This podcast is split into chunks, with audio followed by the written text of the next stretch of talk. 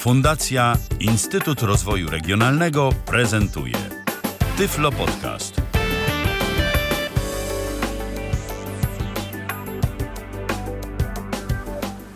Dobry wieczór w kolejnym e, Tyflo Podcaście. Witam serdecznie. Ala Witek z tej strony. Jak zwykle bardzo się cieszę, że zechcieliście Państwo poświęcić swój czas i uwagę na spotkanie z nami. E, A moi Państwa gośćmi są dziś e, Hanna Pasterny. Witaj Haniu.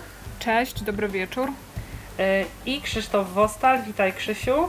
Dobry wieczór, witam. E, Witam również. E, Bardzo się cieszę, że oboje zechcieliście przyjąć e, moje zaproszenie do audycji. E, Nie ukrywam, że bardzo mi na tym zależało, ponieważ e, temat, który e, dziś chciałabym poruszyć, jest tematem, wydaje mi się, dla nas e, jako osób niepełnosprawnych e, tematem bardzo ważnym. Będziemy rozmawiać o e, statusie osób niepełnosprawnych, o tym e, w kontekście oczywiście osób niewidomych o tym, jaki jest nasz obraz siebie samych i o tym, jak jesteśmy odbierani przez społeczeństwo. Myślę, że tutaj nasi goście będą mieli wiele ciekawych spostrzeżeń jako osoby aktywne zawodowo, aktywne społecznie i e, powiedzmy sobie e, swoją postawą niestereotypowe i bezkompromisowe, więc e, tutaj liczę e, na mm, ciekawą rozmowę i mm, jakby taką e, żywą dyskusję. Oczywiście zachęcam do niej również Państwa. E, Mam nadzieję, że Państwo też będą mieli ochotę e, podzielić się z nami swoimi spostrzeżeniami mm, na ten temat, E, a oczywiście można to zrobić na dwa sposoby. Po pierwsze poprzez komunikator Skype na tyflopodcast.net, a także na, przez stacjonarny numer telefonu e, 123 834 835. Serdecznie zapraszam i zachęcam do kontaktu. E, Zatem nie pozostaje nic innego, e, jak tylko przejść do naszej dzisiejszej rozmowy. Pierwsze pytanie, takie nieco e, może retrospektywne i dotyczące też teraźniejszości. Chciałabym zapytać, jak Waszym zdaniem na przestrzeni ostatniej dekady zmieniła się sytuacja osób niepełnosprawnych? W- oczywiście o kontekst osób niewidomych. Takie Wasze spostrzeżenia natury ogólnej dotyczące tych lat minionych. E, Jeśli można, to zaczniemy od Hani.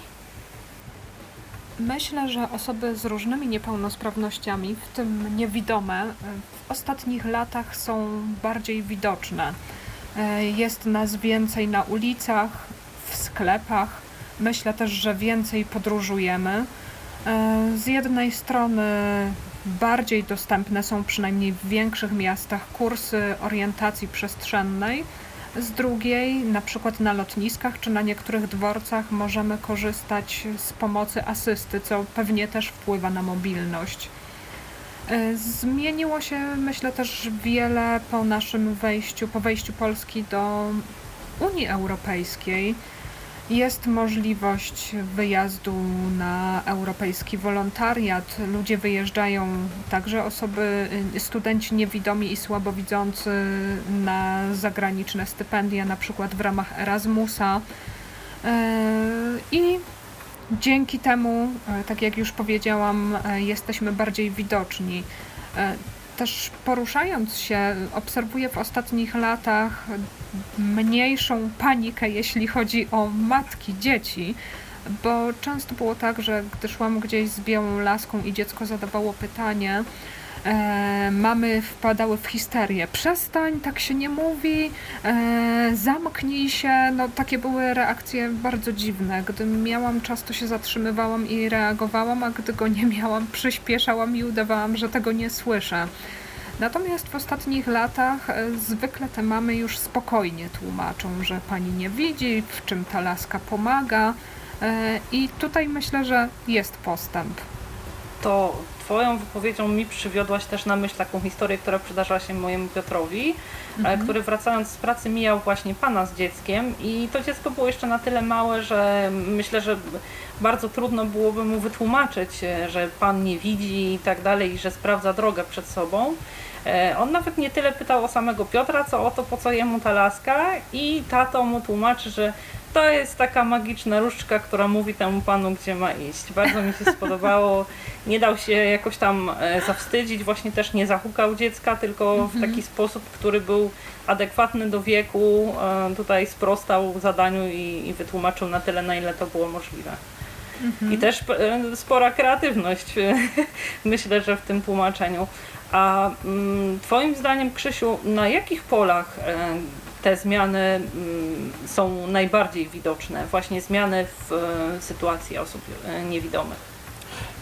Te zmiany są dwojakiego rodzaju, przynajmniej dwojakiego. To znaczy, jeżeli chodzi o zewnętrzne otoczenie, czyli to, co powiedziała tutaj Hania, że mm, odbiór społeczny osób niewidomych jest już taki bardziej normalny w cudzysłowie bym powiedział, bo nie umiem w tej chwili znaleźć innego słowa. E, ludzie się już nas nie boją, e, nie jesteśmy w cudzysłowie znowu dziwadłami e, i na tym polu na pewno nastąpiły zmiany. Mm, druga, druga sprawa to odbiór samych niewidomych świata. Też się bardzo zmienił. Niewidomi mają coraz większą świadomość swoich praw obywatelskich i praw społeczności, społecznych. E, nowoczesna technologia pozwala nam na coraz pełniejsze życie, na coraz pełniejsze uczestnictwo w życiu społecznym. Natomiast z drugiej strony ta technologia budzi też zagrożenie e, i niewidomi już nie są na tym etapie, że cieszą się z tego, że o, coś nowego mają, troszkę to jest dostępne i tyle, tylko niewidomi już chcą już potrafią o coś walczyć, już są na takim etapie, że są świadomi, że jako obywatele mogą e, no, żyć i mm, być w pełni postrzegani jako człowiek, e, jako jednostki wartościowe. Zmieniło się też, e, myślę, chociaż wciąż uważam za mało, e, postrzeganie niepełnosprawności, w tym sensie, że już powoli Niepełnosprawność to nie tylko osoby poruszające się przy pomocy wózka inwalidzkiego, ale mm, między innymi na przykład dzięki ustawie o języku migowym e, coraz e, większa część społeczeństwa wie, że niepełnosprawni to również głusi, że są również głuchoniewidomi, że właśnie są również niewidomi, zwłaszcza w ostatnich dniach. O niewidomych sporo się słyszy ze względu na mm, um, zmiany w prawie wyborczym proponowane przez prezydenta. E, więc e, to są takie zmiany, które tak ogólnie spostrzegam.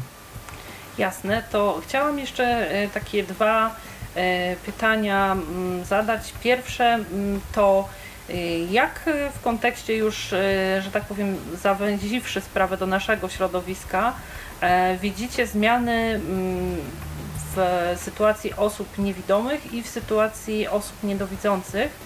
Bo ja tutaj pozwolę się taką refleksją podzielić, że e, osobom niedowidzącym e, technologia, postęp technologiczny i dostęp wszelkiego rodzaju e, lub e, wszelkiego rodzaju e, jakichś powiększalników itd., itd. E, dopomógł na tyle, że właściwie e, większość osób niedowidzących funkcjonuje już jak osoby zupełnie dobrze widzące, w sensie takim, że oczywiście potrzebują różnego rodzaju pomocy e, optycznych, elektronicznych itd. Tak itd. Tak e, niemniej jednak tutaj oczywiście skupiać się na tym funkcjonowaniu takim codzienności, tak? E, to, to ta zmiana jest ogromna i mm, mam też takie wrażenie, że jakby osoby niedowidzące, nie wiem czy przez to, ale generalnie tak jakby e, nie chcę tutaj e, jakby mm, wypowiadać się w kontekście jakiejś misyjności, ale mogąc być takim swego rodzaju pomostem w kontekście, nie wiem, środowiska osób niewidomych i środowiska osób dobrze widzących, w kontekście takim, że je, trochę rozumieją, jak jest z jednymi, trochę jak z drugimi, mówiąc kolokwialnie, i gdzieś łatwiej byłoby im, powiedzmy, nie wiem, te światy do siebie zbliżać, to troszeczkę tak jakby osoby niedowidzące. Może poniekąd tak jakby uciekły, e, w sensie takim, że dużo się mówi o tym, że na przykład Związek Niewidomych to e, właściwie dziś jest już właściwie bardziej związkiem e, słabowidzących niż niewidomych. Osoby niedowidzące też potrafią się tak jakby bardziej zmobilizować gdzieś, zorganizować sobie wspólnie, a to jakiś powiedzmy, nie wiem, wyjazd właśnie w ramach poszczególnych kół Związku Niewidomych, a to gdzieś powiedzmy, nie wiem, w krosie jakąś grupę dla siebie, gdzie tam powiedzmy konkretną dyscyplinę sportową jakby zdominują i mają możliwość takiego jakby lepszego, no większego zaangażowania, czy trenerów, czy e, jakoś w ten sposób to się odbywa. Też odnosicie podobne wrażenie? Może tym razem od Ciebie, Krzysiu, zacznę. To ja może powiem tak, że z Tobą się troszkę nie zgadzam. Ja mam wrażenie, i to co mówię, wszystko to z własnych tylko obserwacji, nie przeprowadziłem jakichś naukowych badań na ten nie, temat. Nie, ja też nie. Ja tutaj... I tylko chcę to słuchaczom zaznaczyć. Mam wrażenie, że jeżeli chodzi o podejście, to osoby słabowidzące się nie zmieniły. Jeżeli chodzi, podejście, chodzi o podejście do niewidomości, do ślepoty. Czyli z jednej strony mam wrażenie, że nie, słabowidzący jak najdłużej, jednak wciąż nadal E, wśród widzących.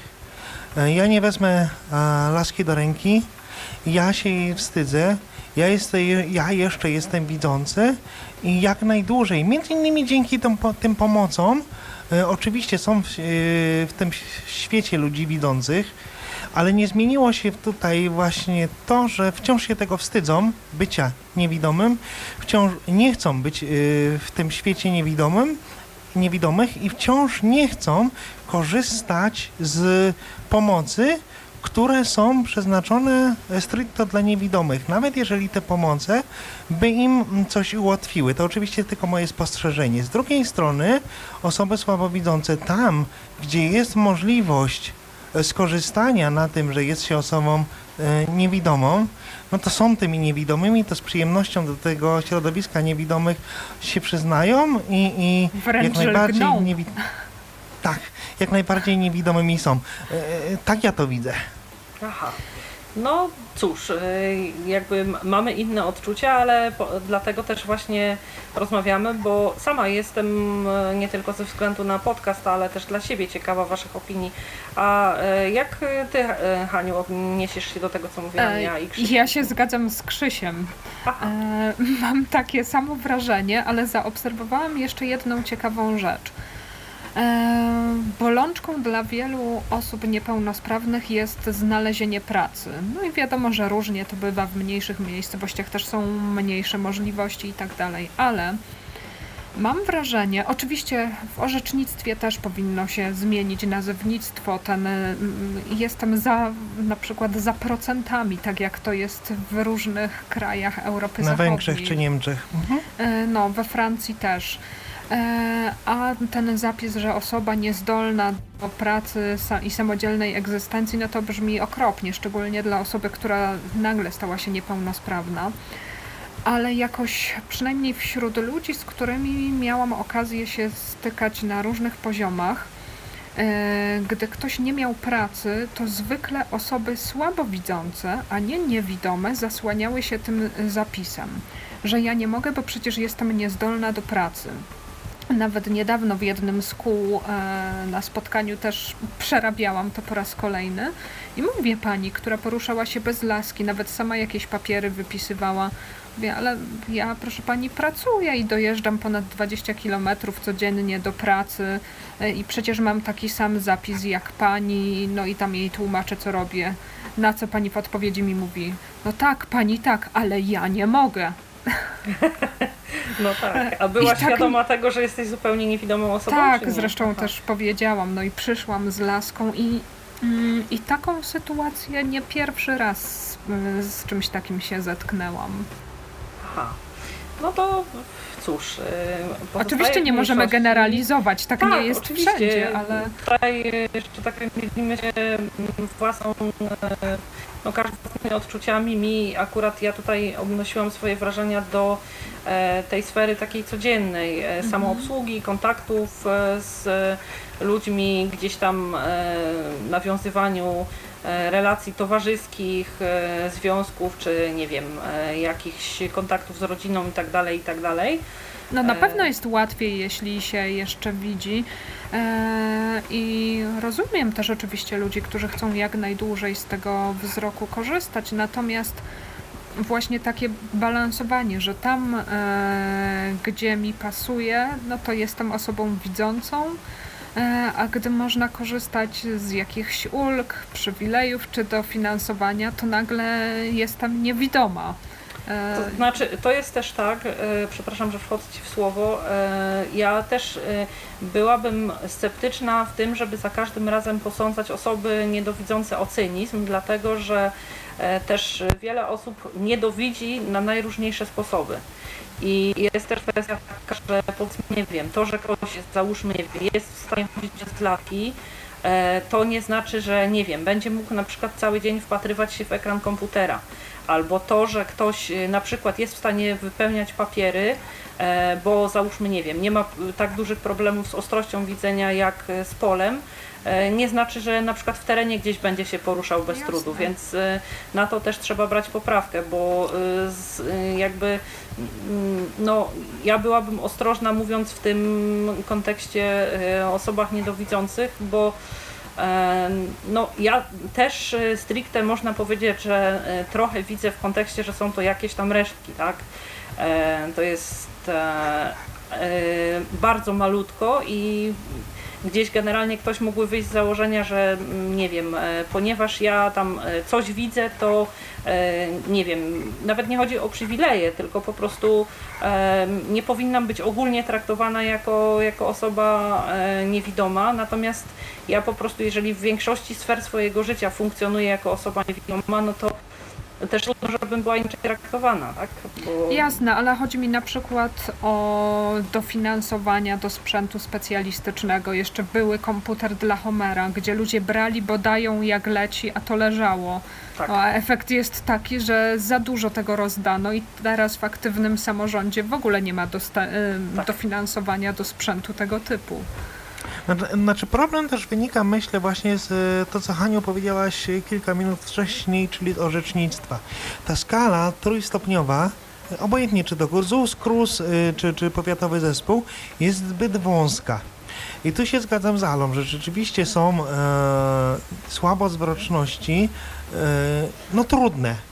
E, z drugiej strony właśnie ta, ta, ta wąska skala powoduje czasami to, że do jednej grupy znacznego stopnia e, trafiają i osoby całkowicie niewidome zupełnie i osoby, które no, poruszają się przy pomocą białej laski, ale nie wiem, zobaczą kolory i osoby, które nie korzystają z białej laski i, i, i radzą sobie no, w miarę dobrze i zobaczą numer autobusu i tak dalej.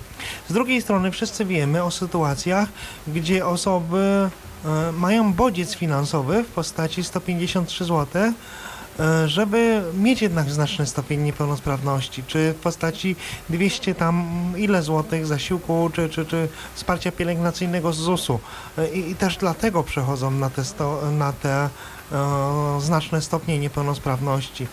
E, Kolejnym problemem to jest praca komisji, praca i, i postrzeganie komisji kwalifikujących do e, grupy, do orzeczenia.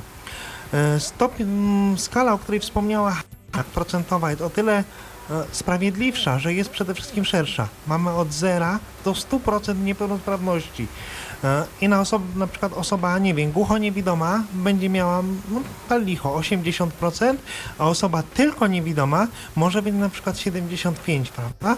E, I ta skala by byłaby mm, sprawiedliwsza i chyba przyniosła oszczędności państwu, albo przynajmniej te środki, które obecnie są przeznaczone na osoby niepełnosprawne, mogłyby e, trafiać do bardziej potrzebujących. Również w kontekście aktywnego samorządu czy, czy, czy komputera dla Homera, bo tu się pojawiał kolejny problem, problem, czyli brak dofinansowania dla osób słabowidzących, dlatego że te osoby miały rzeczywiście umiarkowany stopień niepełnosprawności, a osobie słabowidzącej z umiarkowanym stopniem niepełnosprawności był potrzebny do pracy, do życia, do wykonywania różnych czynności powiększalnik za kilkanaście tysięcy złotych nie dostał, a ta osoba mm, tego dofinansowania tylko dlatego, że miała umiarkowany stopień. Także z drugiej strony ja rozumiem osoby słabowidzące, dlaczego mm, jednak dążą do tego, żeby mieć ten znaczny stopień niepełnosprawności. Jasne. E, To myślę, że ten etap, e, że tak powiem, e, w kontekście mm, zmian naszej sytuacji, oczywiście w tym najbardziej ogólnym zarysie, e, myślę, że tutaj e, zostawimy na chwilę. E, Porozmawiajmy też na razie ogólnie, bo do tego statusu obrazu i odbioru społecznego przejdziemy za chwilę w szczegółach, ale chciałabym Was zapytać o taką kwestię. Jakie bariery mentalne, prawne, społeczne nadal, mimo tych zmian, wydają się Wam najtrudniejsze do pokonania dla konkretnego człowieka, niewidomego, niedowidzącego, e, nieważne. To może teraz zacznijmy od Krzysia. Mm, Chyba największą barierą, mm, która panuje e, w samych niewidomych, to jest pojęcie, że moja niepełnosprawność jest najtrudniejsza. Moja niepełnosprawność jest najgorsza.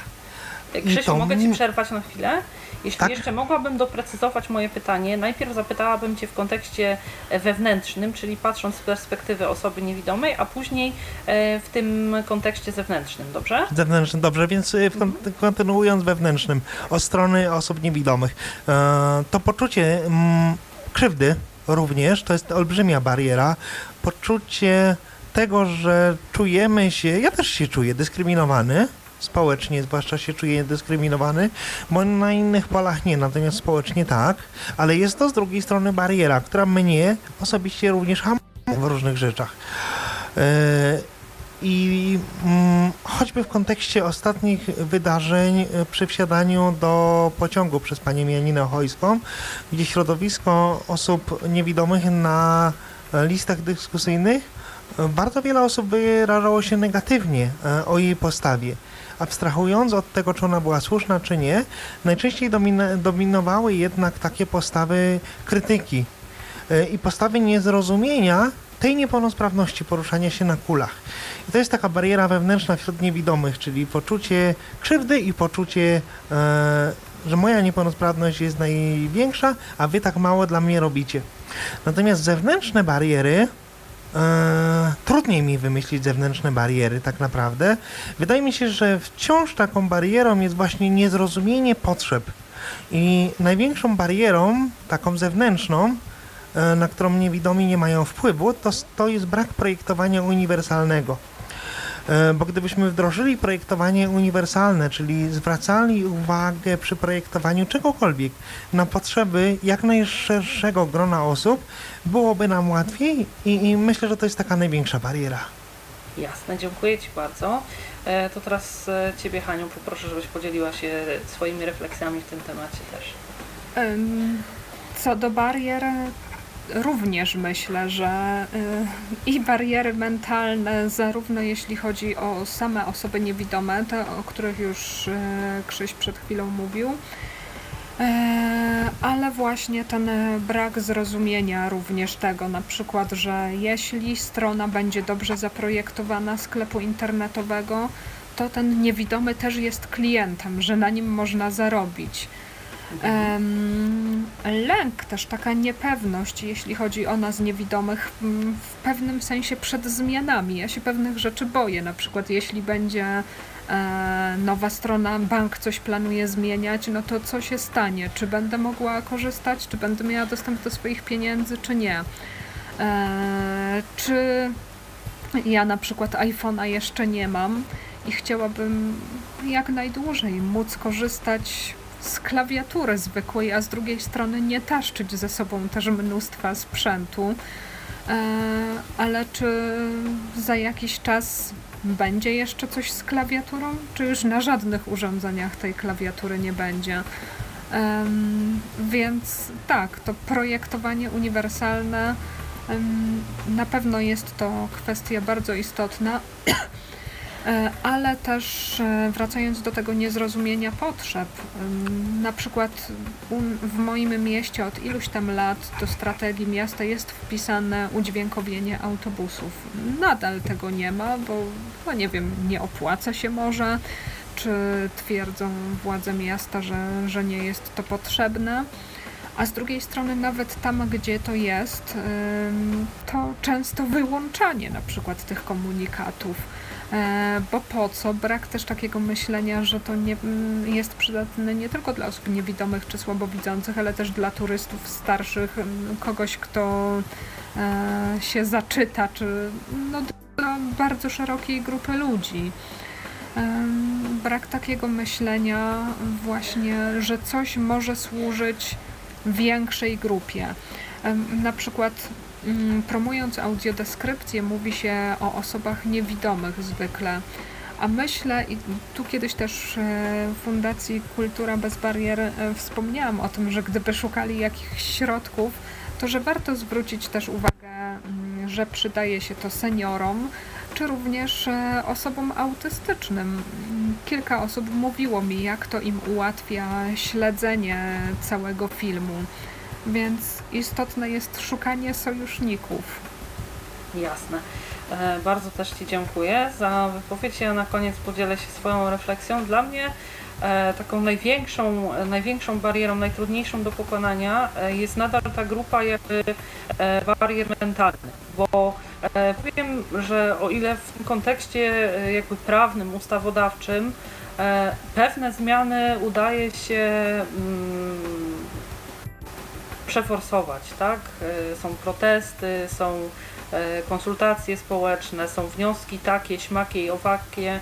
Ja już nie rozstrzygam, które z nich są trafne, które nie, bo jakby nie o to chodzi, ale generalnie myślę, że jednak największe bariery są na, na tym etapie mentalnym, to zarówno jeśli chodzi o osoby niewidome, jak i o, e, jak i o społeczeństwo to w cudzysłowie tak zwane zdrowe, tak? Bo e, ja na przykład wychodzę z założenia, że e, Dobrze, jest y, dla mnie bardzo trudnym do zaakceptowania faktem e, fakt, że nie widzę, tak? Bo po prostu wiele rzeczy e, mi utrudnia i wielu rzeczy mm, powiedzmy nie jestem w stanie zrobić bez jakichś tam powiedzmy nie wiem współpracy z nowoczesnymi technologiami, bez pomocy mm, jakiejś, w sensie takim, że dopasowania pewnych sposobów na to, żebym mogła mhm. coś tam zrobić. E, natomiast też jakby no, żyję już na tyle długo na świecie, że wiem, że tak jakby no najprawdopodobniej po prostu nic się nie zmieni i generalnie e, jakby takim, taką moją naczelną zasadą jest to, że to na ile e, moje niewidzenie będzie dla mnie przeszkodą po prostu zależy tylko ode mnie, bo wiadomo, że są takie rzeczy, y, których nie przeskoczę, tak? Nie będę, nie wiem, e, prowadzić samochodu, pilotować samolotu, czy tam czegokolwiek innego jeszcze robić.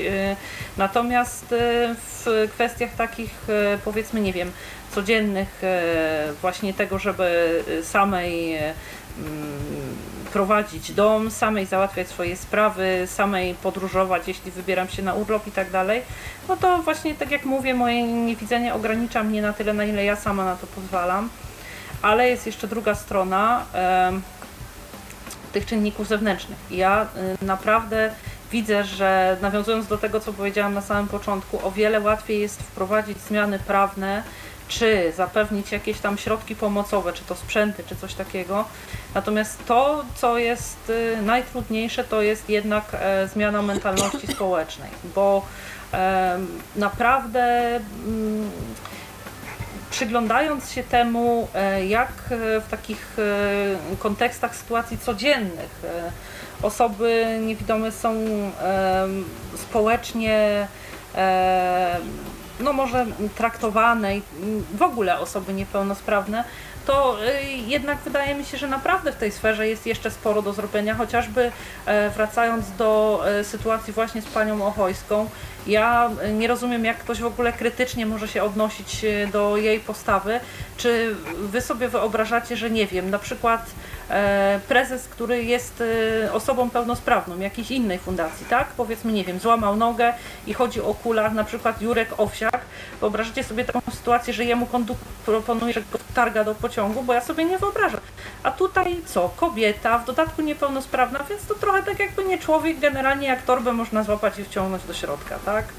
Więc y, myślę, że tutaj jakby na poziomie tej empatii jednak e, jest, e, jest jeszcze sporo do, do zrobienia i na pewno nie będzie to tak łatwo jak e, z jakimiś zmianami legislacyjnymi czy tego typu kwestiami. Ja myślę, że jeszcze problem jest tej natury, że jest mnóstwo konsultacji tak naprawdę ze środowiskiem osób w ogóle niepełnosprawnych, ale my skupiamy się na niewidomych, więc są konsultacje, są pewne, tak jak powiedziałaś, rozwiązania prawne, są pewne sprawdzone sposoby e, przystosowania przestrzeni, na przykład publicznej. E, I urzędnik, mnie mam takie poczucie, jako osoby niepełnosprawnej wysłucha, pokiwa głową, przyzna mi rację, ale summa summarum i tak zrobi po swojemu i to jest też olbrzymi problem. To prawda. E, tutaj przykładem mogą, może być na przykład Rybnik i e-karty. Takie karty są e, właśnie w autobusach. Dla osoby niepełnosprawnej są one bezpłatne. E, uprawniają do darmowych przejazdów, natomiast trzeba taką kartę wyrobić i mm, legitymacja osoby niepełnosprawnej nie jest honorowana. Stowarzyszenie, w którym pracuję, pisało mnóstwo mm, pism do władz miasta, e, do MZK. No były w końcu jakieś konsultacje społeczne, z których nic nie wynikło. E, ja jestem też członkiem Powiatowej Rady Społecznej do spraw osób niepełnosprawnych w Rybniku i też to było poruszane na Radzie, żeby była ok, miejcie te swoje karty, ale żeby legitymacja też była honorowana, zwłaszcza dla osób przyjezdnych. I w końcu pani wiceprezydent mi mówi, no ale tam statystyki i tak dalej. Mówię, że na przykład w Warszawie jest i ta warszawska karta miejska i legitymacje też dla przyjezdnych ale pani się podpiera statystykami, że oni muszą wiedzieć, ile tych osób nieistotne, jeśli nawet ktoś nie przyłoży, bo na przykład porusza się o kulach i nie ma jak tej karty wyjąć. I pani wiceprezydent mi mówi, e, no to się powie kontrolerom, e, żeby nie karali tych osób, które nie, niepełnosprawnych, które nie będą miały karty, a będą miały inny dokument. Mówię, ale wie pani co, ja nie chcę zależeć od dobrego humoru kontrolera, któremu coś tam się powie no to się dowiedziałam, że wyolbrzymiam problem.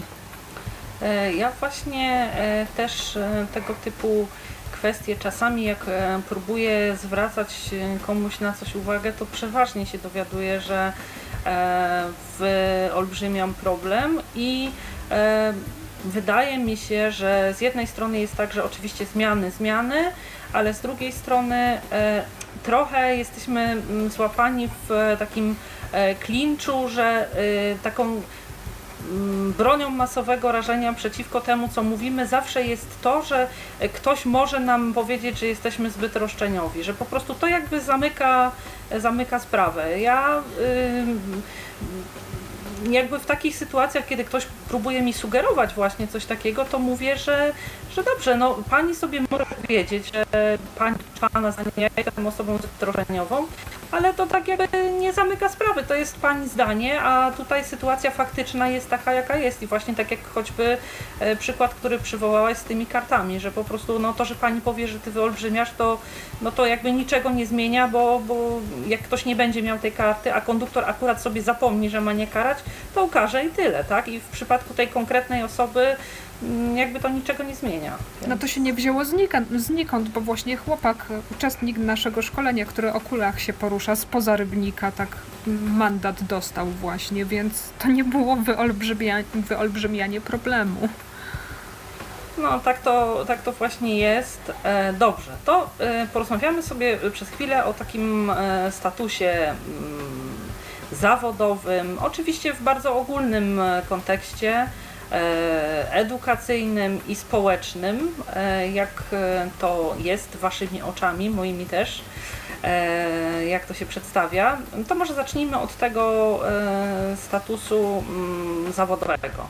Bo tutaj co już wybuchają dyskusje najróżniejsze i na forach, i w gronie osób niewidomych, jak rozmawiają ze sobą e, odnośnie tego statusu zawodowego. Ja już e, tutaj z Jackiem, że tak powiem, próbowałam rozpracować temat otwartego i e, chronionego rynku, więc nie chciałabym, że tak powiem, wracać do mm, akurat dyskusji na ten temat. Oczywiście, jeśli w jakimś kontekście macie mm, waszej wypowiedzi zamiar się odnieść do tego, to jak najbardziej. E, natomiast chodzi mi bardziej e, o taki ogólny zarys, czy to jest tak, że osoby niewidome jednak chcą, nie chcą pracować, rozumieją e, konieczność zarabiania, rozumieją wartość samej pracy jako takiej. I też jakby z drugiej strony, czy mm, to jest tak, że za tą pracę E, w tej pracy są osobami zaangażowanymi, kreatywnymi, ambitnymi, ale też czy są za nią należycie wynagradzane i jakby czy to, jak są traktowani powiedzmy przez swoich zwierzchników czy współpracowników, motywuje ich, czy jednak zniechęca do bycia aktywnymi na rynku pracy. To mm, zaczniemy od Ciebie, Hani, teraz. Jeśli mogę, to jednak w jednej kwestii chciałabym się odnieść do zakładów pracy tak, tak, tak. chronionej i otwartego rynku pracy. Gdy um, kilka lat temu, bodajże w 2011, e, zaczęliśmy pracować 8 godzin, zlikwidowano na kilka lat ten 7-godzinny dzień pracy, to zaobserwowałam wśród osób z różnymi niepełnosprawnościami, które znam, czy które jakoś tam się przewijały przez nasze stowarzyszenie, że osoby pracujące mm, na otwartym rynku pracy przyjęły to i pracowały 8 godzin. E, natomiast osoby pracujące w zakładach pracy chronionej e, hurmem ruszyły do lekarzy o, po zaświadczenia, że nie mogą pracować 8 godzin. E, no i wiem, że w niektórych ZPH wręcz były do tego zachęcane przez swoich szefów. Nie znam nikogo z otwartego rynku pracy, kto się na to odważył. E, czy osoby niewidome chcą pracować? No, my jesteśmy tacy jak całe społeczeństwo, czyli bardzo różni. Są osoby, które chcą pracować, chcą, są takie, które mówią, że chcą, ale tak naprawdę nie chcą. No i są takie, którym, którym się nie chce, bo takim jest wygodniej, że jest renta, jest zasiłek e, i po co się męczyć, więc e, generalizować tutaj nie można. Znalezienie pracy nie jest łatwe. Mm, ja tak na własnym przykładzie, moja pierwsza praca to mm, była w biurze poselskim i ją zdobyłam dzięki temu, że w Radiu Katowice usłyszałam informację o konkursie Interpelacja lepsza niż manifestacja. Nagrodą był staż w biurze poselskim, więc nie miałam pracy po studiach, pomyślałam sobie, muszę to wygrać. E, no i taka była moja pierwsza praca.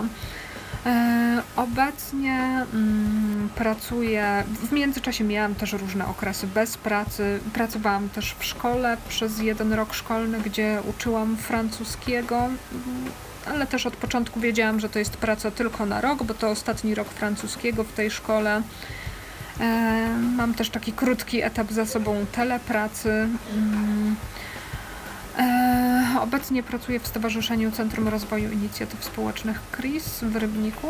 Jako konsultantka do spraw osób niepełnosprawnych. Z tej pracy jestem bardzo zadowolona, ponieważ My się nie zajmujemy stricte niepełnosprawnością, robimy też inne rzeczy dla seniorów, dla młodzieży, są projekty międzynarodowe, I to też jest dla mnie fajne, że jest jakaś odskocznia, że z jednej strony mogę coś robić na rzecz osób niepełnosprawnych, ale mm, że dzieje się też coś innego. Tu się komuś pomoże, kogoś się zastąpi. Ważne jest dla mnie to, że mile jest widziana aktywność i wychodzenie z inicjatywą oraz to, że czasem zdarzają się jakieś ciekawe służbowe wyjazdy E, na przykład pod koniec marca lecę na kilka dni na Łotwę, jeszcze tam nie byłam. E, to będzie konferencja o wolontariacie w ramach właśnie międzynarodowego projektu, w którym jesteśmy. I u nas relacje w pracy są dobre. Zdecydowana większość, no prawie wszyscy z tych 20 mniej więcej pracowników, nie wszyscy są na pełen etat. To są osoby pełnosprawne. Jeszcze jeden kolega ma lekki stopień niepełnosprawności po operacji kręgosłupa.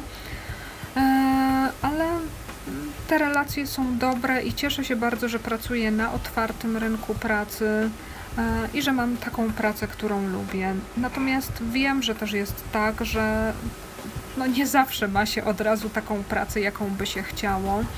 I tutaj myślę, że czasem warto z jednej strony trochę się pomęczyć, przeczekać, e, ale już mieć jakieś doświadczenie zawodowe, mieć coś w CV. Ale zdarzają się też sytuacje takie, gdzie coś jest mm, na tyle trudne, niekoniecznie ze względu naszą, na naszą niepełnosprawność, e, że należy się zwolnić z tej pracy. E, I to również jest ok. Nic za wszelką cenę. Bardzo mi się podoba, Haniu, to co mówisz, bo ja też e, tutaj e, mm, właśnie ostatnio e, rozmawiałam z osobami, które pracują jako masażyści. E, Pracują e, w sanatorium i e, jest kwestia tego typu, że mm, akurat e, nie w nawiązaniu do tego, co mówiłaś o tym 8-godzinnym e, dniu pracy, bo e, to było i, i wróciło, że tak powiem, do, do poprzednich rozwiązań. E, Natomiast kwestia jest tego typu, że oni już jakby z racji samego, samego zawodu i dodatkowo jeszcze samej e, powinni pracować godzin 6, ale e, sytuacja jest tego typu, że oczywiście jak to zwykle oszczędności ze strony pracodawcy i oni e, po prostu pracują jak mm, wiesz, w, pe- w pełnym wymiarze, tak? Tym 7,5 godzinnym. E, No i problem jest tego typu, że tak naprawdę e, oni oczywiście e, próbowali nawet nie w oparciu o, o, o tą niepełnosprawność, tylko o rodzaj wykonywanego zawodu. Natomiast usłyszeli od pracodawcy, że po prostu oni powinni się cieszyć, że on w ogóle ich jako osoby niepełnosprawne zatrudnia. I po prostu, jeżeli mają ochotę pracować 6 godzin, to mogą pracować, ale nie u niego. Więc też wydaje mi się, że, że mm, to jest tak, że mm, bardzo mm, takim e, jakby dobrym głosem rozsądku z Twojej strony jest to, co mówisz, że, e, że y, nie też właśnie za wszelką cenę, bo e, przecież praca masażysty to jest bardzo ciężka fizyczna praca i to też, no powiedzmy, jak każda praca y, wymaga poszanowania i gdyby mi pracodawca powiedział, że ja jako osoba niepełnosprawna po prostu powinnam się cieszyć, że w tej sytuacji w ogóle mnie zatrudnił i, i tak dalej, i tak dalej, to to najprawdopodobniej byłby ostatni dzień e, mojej pracy w takim miejscu, bo... E, Raz w życiu złożyłam wypowiedzenie. E, Były no i mm, trudne warunki pracy, ale przede wszystkim atmosfera fatalna. I też usłyszałam od paru osób, że po pierwsze, jak ja tak mogłam, skoro powinnam być wdzięczna, że zostałam zatrudniona, mimo że nie widzę, e, że no, powinnam zacisnąć zęby i trwać na posterunku. E, tylko jaki to miało sens, skoro mnie bolała głowa, bolał mnie żołądek, nie spałam, a w mojej tej głównej pracy w stowarzyszeniu już sami mi powiedzieli, jaka ty jesteś monotematyczna, w kółko gadasz o tej drugiej pracy, e, tego się już nie da słuchać. E, I w sumie mm, fakt, że to była moja dodatkowa praca, więc też było, było łatwiej podjąć taką decyzję, ale naprawdę nie za wszelką cenę. Czasem musimy zaryzykować. Tak, e, tutaj jak dzielisz się ty swoimi doświadczeniami, to ja e, swoimi też e, się podzielę. Ja właśnie też rozwiązałam w swojej akurat pierwszej pracy umowę o pracę, dlatego że po prostu była sytuacja tego typu, że pracodawca w pewnym momencie przestał jakby wpłacać nam pensję. I e, my, e, tam pracowało oprócz mnie jeszcze kilka osób akurat w tym dziale, chyba pięć czy sześć. No, e, jakby na, na początku e, była argumentacja, że to są jakieś tam przejściowe kłopoty i tak dalej, i tak dalej. E, natomiast e, no, kiedy już sprawa stanęła na ostrzu noża, bo to był chyba trzeci miesiąc z rzędu, e, to e, usłyszeliśmy od naszego pracodawcy, że e, jemu Pefron nie płaci, w związku z czym on nie płaci nam. Czyli po prostu nie było ważne to, że my pracujemy miesiąc w miesiąc, że e, powinniśmy byli otrzymać pensję i tak dalej. Po prostu pracodawca miał podejście takie, że, że jemu Pefron nie płaci, w związku z tym on w ogóle o co chodzi? Nie musi nam płacić i, i koniec, tak? Nie poczuwał się w ogóle w obowiązku traktować nas jako pracownika, który, e, którzy tą e, jakby pracę dla niego świadczyliśmy i po prostu no taka była argumentacja, więc to, to generalnie też, e, no oczywiście mogłam pracować dalej i czekać aż pracodawcy Pefron zapłaci, tylko jeśli taki ma pracodawca stosunek do swoich pracowników, no to no yy, stwierdziłam, że też nie ma sensu dłużej tam pozostawać. Dobrze, ale tutaj e, y, już tak rozkręciłam, a myślę, że też wiele ciekawych e, spostrzeżeń będzie miał e, Krzysiu jako pracodawca zatrudniający osoby u siebie, pracowników i pełnosprawnych i niepełnosprawnych. To jak to Krzysiu jest? Masz porównanie, masz e, pewnie wiele ciekawych spostrzeżeń. Chcemy jako osoby niewidome pracować, jak pracujemy, jak to wygląda w Twoim odczuciu? Jeszcze, jeszcze kilka lat temu, e, gdy były większe dofinansowania do mm, stanowisk pracy na zamkniętym rynku pracy, na chronionym rynku pracy, m, miałem tako, takie spostrzeżenie, że osoby te niewidome, które chciały pracować, to pracę znalazły. E, a reszta tylko mówiła, że chce pracę, albo po prostu otwarcie mówiła, że po prostu no, praca nie jest potrzebna, re- renta wystarczy. E, Trzeba to też oczywiście uszanować. W tej chwili, kiedy te dofinansowania się zrównały, uważam, że jest bardzo trudno osobie niewidomej znaleźć pracę. To jest też problem oczywiście kwalifikacji, które e, my jako niewidomi mm, posiadamy. E, Praca to, tak jak w środowisku ludzi zdrowych, to też jest czasami kwestia szczęścia, żeby znaleźć pracę odpowiednią, pracę, w której będziemy się czuli spełnieni i pracę, która e, zapewni nam godny mm, byt. E, No, mm, u mnie wygląda to w ten sposób, że pracuje w tej chwili 12 osób plus ja. Wszystkie te 12 osób na dzień dzisiejszy to są osoby z niepełnosprawnością sensoryczną. E, Jest jedna osoba całkowicie głucha, jest, e, są osoby głuchoniewidome, są osoby całkowicie niewidome i słabowidzące. No, wszystkie te osoby chcą pracować, dlatego ja nie jestem akurat dobrym e, wypowiadającym się w tej kwestii, czy osoby niewidome chcą pracować. Gdyby one, te osoby u mnie nie chciały pracować, to po prostu by nie pracowały.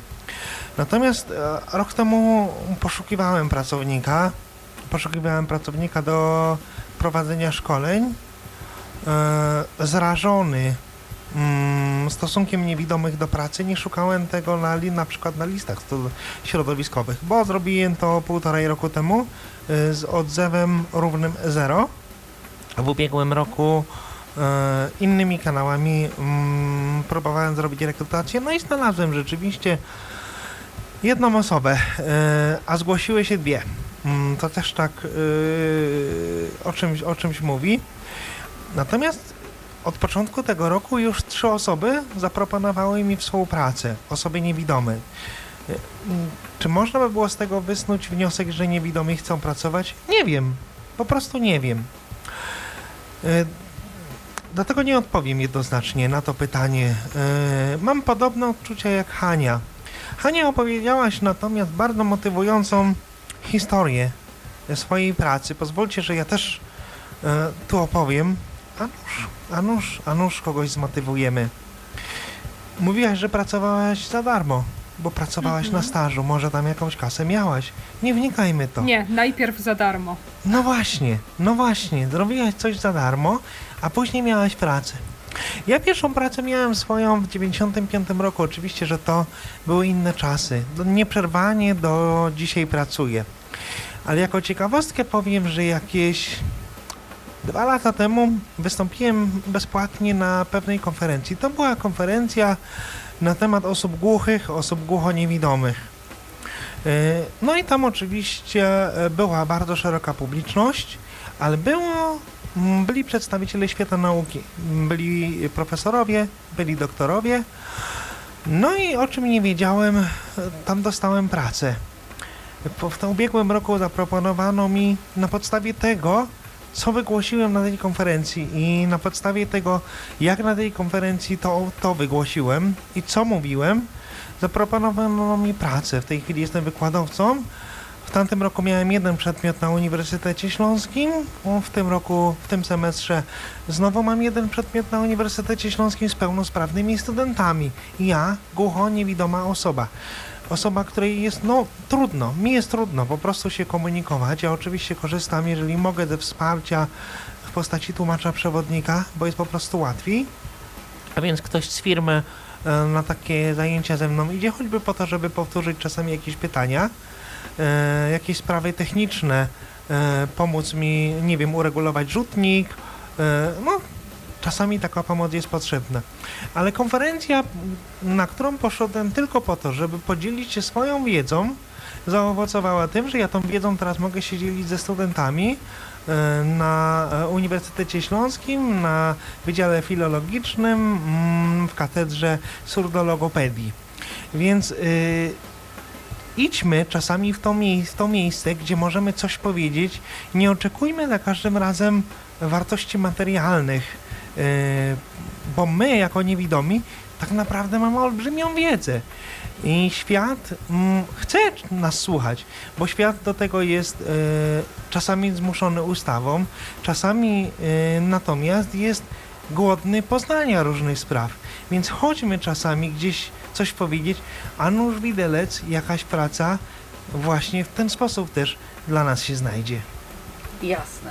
E, Chciałam z Wami porozmawiać e, chwileczkę jeszcze o mm, tym e, wynagradzaniu osób niepełnosprawnych.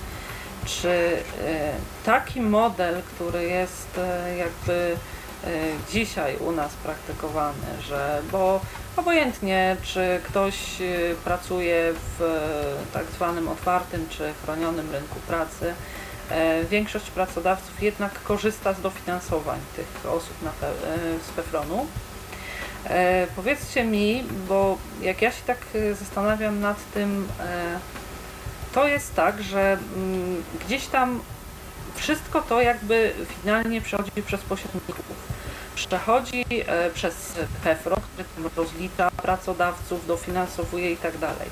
E, Później e, oczywiście ktoś to wszystko musi obsługiwać, tak? Bo wiele jest e, tych wiele jest tych osób pracujących na dofinansowaniach z PEFRON-u i tak dalej, i tak dalej. Później jest jeszcze pracodawca, który zatrudnia, potrąca albo nie potrąca z tego e, dofinansowania mm, doświadczeń w zależności od tego, jaką tam z pracownikiem ma umowę. Są też oczywiście pracodawcy, którzy bardzo chętnie i szczodrze e, dokładają się, mimo że dotrzymują, otrzymują dofinansowania e, do tego, co jest ostatecznie wypłacane pracownikowi. E, Niemniej jednak większość pracodawców z tych dofinansowań korzysta, jak już mówiłam, i teraz tak szukamy oszczędności w Pefronie, a to psy gdzieś tam, a to jakieś programy celowe są likwidowane z braku środków. Ja się zastanawiam, czy to przypadkiem jakby jednym z wariantem szukania tych oszczędności nie powinno być tak, że po prostu e, osoba chcąca zatrudnić osobę niepełnosprawną dostaje po prostu pracownika. Nie ma tego przepływu e, tych funduszy przez PEFRON, gdzie one muszą być obsługiwane. Nie ma e, już tego przepływu przez pracodawcę. Tak jakby wydaje mi się, że ze wszechmiar lepszym rozwiązaniem byłoby takie, gdzie to dofinansowanie po prostu od państwa otrzymuje, jeśli już ono jest, tak? E, otrzymuje pracownik i e, jakby no, tutaj e, to pozwala i na to, żeby mm, jednak większa część trafiała tego do pracownika i e, na to, żeby nie było e, już całej tej e, jakby biurokracji, powiedzmy, którą rozwija PEFRON w momencie obsługiwania tych i dofinansowań. którą trzeba utrzymać. Tak, i No. którą trzeba utrzymać. Co myślicie o takim rozwiązaniu? I, znaczy ja się z wami nie zgadzam, bo tą biurokrację, która jest przy obsłudze systemu. Tej biurokracji tak naprawdę nie ma. Jest system elektroniczny, w tej chwili nic się nie robi papierami. Jest system elektroniczny, który wszystko odlicza. Pracodawca. Tak, tak, ale chodzi mi, jeśli mogę ci przerwać, o ludzi Mhm. zatrudnionych w samym Pefronie. Mm, wiesz, to, to jest szerszy pro, problem, czyli przerost zatrudnienia w administracji, czy to rządowej, czy samorządowej. E, natomiast mm, jeżeli chodzi o dofinansowanie, jakiś system e, musi być, moim zdaniem, bo e, gdy go nie będzie, no osoby niepełnosprawne będą zwalniane z pracy. E, w przypadku wielu niepełnosprawności po prostu tak jest, że niepełnosprawny pracownik jest mniej wydajny niż pracownik sprawny. Okej, jest- okej. Krzysiu, ja rozumiem, że jakoś muszą być e, rekompensowane dłuższe urlopy, czy jakieś tam, e, powiedzmy, nie wiem, e, no, dodatkowe ubytki w wydajności, krótszy czas pracy, czy też coś, tak? To powiedzmy sobie mogłoby być jakoś Dobrze, to tu się zgadzamy. Mhm. tak? Ale dlaczego w sytuacji, kiedy, no wiesz, mi, ja jakby nie jestem w stanie zaakceptować czegoś takiego, że pracodawca dostaje e, pracownika, który ma wiedzę, e, ma możliwość e, tak jakby mm, sam sobie już jakieś tam, bo najczęściej osoby, które są aktywne zawodowo, to są też osoby, że tak powiem, aktywne życiowo. One mają pewną wiedzę, jak powiedzmy, nie wiem, obsługiwać komputer, jak taką, śmaką czy inną pracę wykonywać. Te jakby kwalifikacje zawodowe też jakieś tam mają, tak? Więc ym, no, wydaje mi się, że jednak ze wszechmiar sprawiedliwy byłby taki podział, że po prostu jeśli już pracownik dostaje tego, bra- przepraszam, pracodawca dostaje tego pracownika, e, dostaje jego pracę, dostaje jego wiedzę i tak dalej, i tak dalej, no to już jakoś no to dofinansowanie no mm, niekoniecznie. No myślę, że w momencie, kiedy na przykład e, rzeczywiście e, pracownik e, jakoś ten niepełnosprawność odbija się na jego wydajności w pracy, pracodawca mógłby wnioskować o jakąś tam rekompensatę, ale czy to tak z automatu powinno być, że, że ta górka zawsze jest, obojętnie czy niepełnosprawność się na wydajność odbija, to nie jestem przekonana. Ja nie widzę w tym systemie, o którym mówisz, żadnych oszczędności, bo znowu będą komisje, będą, ktoś będzie musiał to weryfikować i znowu trzeba będzie tym komisjom, weryfikatorom zapłacić. E, Druga sprawa, że z automatu mm, pracodawca dostaje w tej chwili takie, a nie inne dofinansowanie. Myślę, że gdyby nie otrzymywał go, to jednak zatrudniłby pełnosprawnego pracownika. Oczywiście są miejsca, gdzie ten e, niepełnosprawny pracownik świetnie sobie radzi, gdzie jest niezastąpiony, e, gdzie mm, wykonuje doskonale swoją pracę, ale też wiemy o tym, że są miejsca, gdzie ten niepełnosprawny właśnie jest mniej wydajny. Nie mówimy o urlopach i tak dalej, mówimy o samej, o samej pracy. E, I w tym miejscu pracodawca zatrudnia osoby widzące. E, Dlaczego ma zatrudniać e, niepełnosprawnego? Jaki widzisz No jak bodziec dlaczego, po- Krzysiu? przy- dlatego, że po- osobie y, widzącej będzie musiał płacić z własnej kieszeni. No dobrze, ale jeżeli- Ale jeżeli i dostaje zabierzemy mu dofinansowanie? Jeżeli zabierzemy mu dofinansowanie, tak jak proponujesz, żeby to nie było z automatu, no to nie ma żadnego bodźca. Wymyśl proszę jakiś bodziec, który byłby dobry dla pracodawcy. No to właśnie tłumaczę, że w momencie, y, kiedy pracownik, y, pracodawca zatrudnia osobę e, niewidomą, ma tego pracownika, jego wiedzę i jego pracę za darmo, bo pracownikowi płaci państwo, a osobie, którą zatrudni pracodawca pełnosprawnej, państwo nie płaci, więc korzyść jest ewidentna, W tak? tej chwili jest tak, ale kiedy, kiedy, kiedy będzie to Nie, nie, inaczej? nie, ja mówię już po tej, po tej zmianie, o której ja mówię. Bo nie, nie dostanie na osobę pełnosprawną e, pensji pracodawca i, tej, osobie nie, tej osobie pełnosprawnej nie będzie płaciło pensji państwo. Pracodawca będzie ją musiał wypłacać z własnej kieszeni. Ale w tej chwili osobie niepełnosprawnej pracodawca dopłaca z własnej kieszeni. Nie mówimy o nielegalnych y, związkach, tylko mówimy o legalnych związkach pracownik-pracodawca, gdzie ten pracodawca dopłaca z własnej kieszeni, do, dopłaca. Tak, ale dopłaca jakąś część, a nie jest to tak, że, a czasami jest tak, że jeszcze wręcz zyskuje e, zatrudniając osobę e, niepełnosprawną, więc jeśli tutaj już Jeszcze, dosta- ra, jeszcze raz, bo przerywało. E, Co robi? że e, czasami są takie Zys- sytuacje, tak, gdzie jest to z zyskiem, tak, bo pracodawcy na przykład wnioskują o różnego rodzaju usprawnienia, doposażenia stanowisk i tak dalej, tak e, No tak, ale to nie zyskuje pracodawca, że przystosuje stanowisko osobie niewidomej, tylko ta osoba niewidoma, która będzie na tym stanowisku pracy pracować. e, Myślę, tak, że, myślę, że oboje zyskują, bo jeśli na przykład sobie pracodawca jakoś tam wyposaży gabinet masażu, potem taki pracownik odejdzie, a sprzęt zostaje. E, w Wielkiej Brytanii jest tak, przynajmniej było jeszcze jakiś czas temu, że można było otrzymać w ramach e, Access to Work e, właśnie dofinansowanie, czy nie wiem, czy może całkowite sfinansowanie do stworzenia stanowiska pracy, e, czy asystenta. Mm, Natomiast o ile mi wiadomo, do wynagrodzenia nie. Gdzieś też w jednej organizacji mówiono mi, że dofinansowanie jest maksymalnie przez rok, tylko nie wiem wtedy z jakich środków oni to mieli.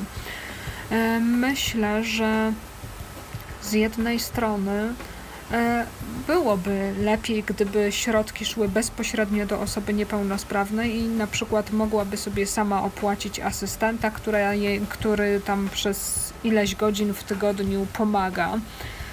E, Z drugiej, no czy w Polsce by się to sprawdziło? Też myślę, że wiele osób jednak mogłoby stracić pracę. E, A byłyby też takie osoby niepełnosprawne, które by się znowu burzyły, dlaczego mam za coś płacić ze swojej kieszeni. Natomiast w brytyjskim systemie, teraz też gdy się mówi, mm, jest cała zawierucha w związku ze świadczeniami dla rodziców, dzieci i dorosłych osób niepełnosprawnych. Tam podoba mi się właśnie to, że środki, zresztą we Francji również, środki dostaje osoba niepełnosprawna, a nie rodzina. I wtedy ja mogę sobie zatrudnić kogoś e, do pomocy. e, Niekoniecznie jestem pracodawcą, więc od razu zmienia się też mój status. Jasne, oczywiście, że tak. No dobrze, to, to mm, zostawmy w takim razie e, Krzyś jako pracodawca tutaj ma rozeznanie. e, Ja mm, powiedzmy jako pracobiorca e, generalnie czasami odnoszę wrażenie takie, że mm, już nie wchodząc w szczegóły, czy to jest rynek chroniony, czy otwarty rynek. Jeszcze jest trzeci rynek, o którym w ogóle żeśmy nie O wspomnieli. samozatrudnieniu, tak? Nie, orga- rynek organizacji pozarządowych, które w Tak. ogóle mają horrendalne dofinansowania, prawda? E, to znaczy ja tutaj, że tak powiem, się nie orientuję, dlatego że nigdy w takiej pracy nie pracowałam, też e, jakby nigdy nie, e, nie miałam świadomości co do tego, mm, jak to wygląda. Organizacje może- nie dostają większych dofinansowań. No i 90% dostają organizacje trzeciego sektora, natomiast 75% reszta. A, bo to się zmieniło jakiś czas temu.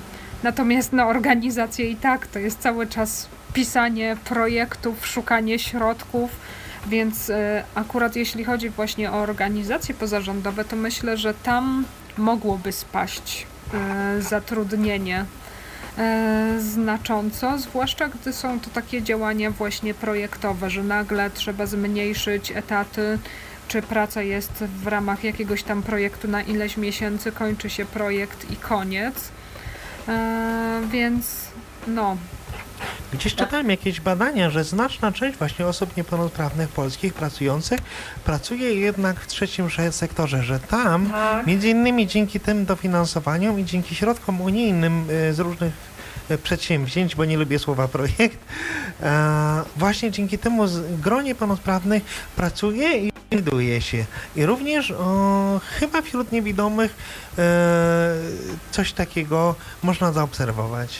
No tak, e, od niedawna e, nie, no już kilka razy zdarzyło mi się w formie takiej e, anegdoty e, słyszeć stwierdzenie, że najczęstsze zawody tam wśród e, mm, e, osób niewidomych to jest e, masażysta, telemarketer i pracownik fundacji, więc e, rzeczywiście coś, coś chyba jest na rzeczy.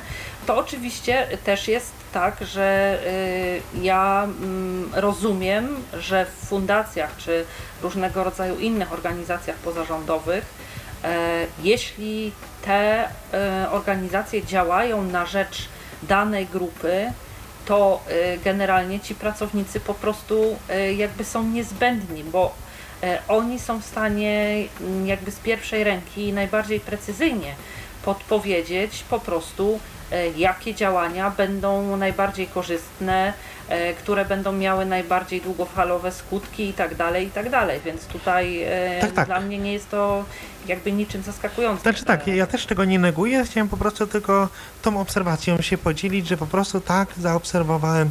A z drugiej strony mm, to jest też taki problem organizacji, a to tylko na marginesie, że one z jednej strony coraz bardziej się profesjonalizują i bardzo dobrze, z drugiej strony robi się z tego po prostu taki biznes, który również zagraża tradycyjnemu biznesowi, gdzie preferowane są organizacje pozarządowe w różny, różny sposób e, na niekorzyść, niekorzyść firm, co może również negatywnie wpłynąć właśnie na zatrudnienie na otwartym rynku pracy. Mhm. Dobrze, to y, porozmawialiśmy sobie z grusza o pracy, to teraz y, poświęćmy chwilę edukacji. Jak to e, jest e, z tą edukacją w kontekście osób e, niewidomych? Jaki jest ten nasz status? To Czy... jeszcze, Alu, ja się tak? wetnę na moment, bo tak mam ciekawostkę z pogranicza. Z pogranicza mhm. pracy i edukacji właśnie, bo zdarzyło mi się y, jakiś czas temu y, szukać osoby do pracy. Właśnie u nas y, w fundacji, w organizacji pozarządowej, o, której, o których tu właśnie wspominaliście. I taka śmieszna rzecz, taka, taka ciekawostka. Oczywiście, no jak się okazało, niby taki jest problem z pracą wśród osób y, niewidomych, tak się, tak się o tym mówi. Zgłoszeń do pracy nie było jakoś za specjalnie wiele, y, do tego stopnia, że tak nawet mówiłem y, części znajomych, że no słuchajcie, mm, jest praca, warto, warto napisać, warto się zgłosić.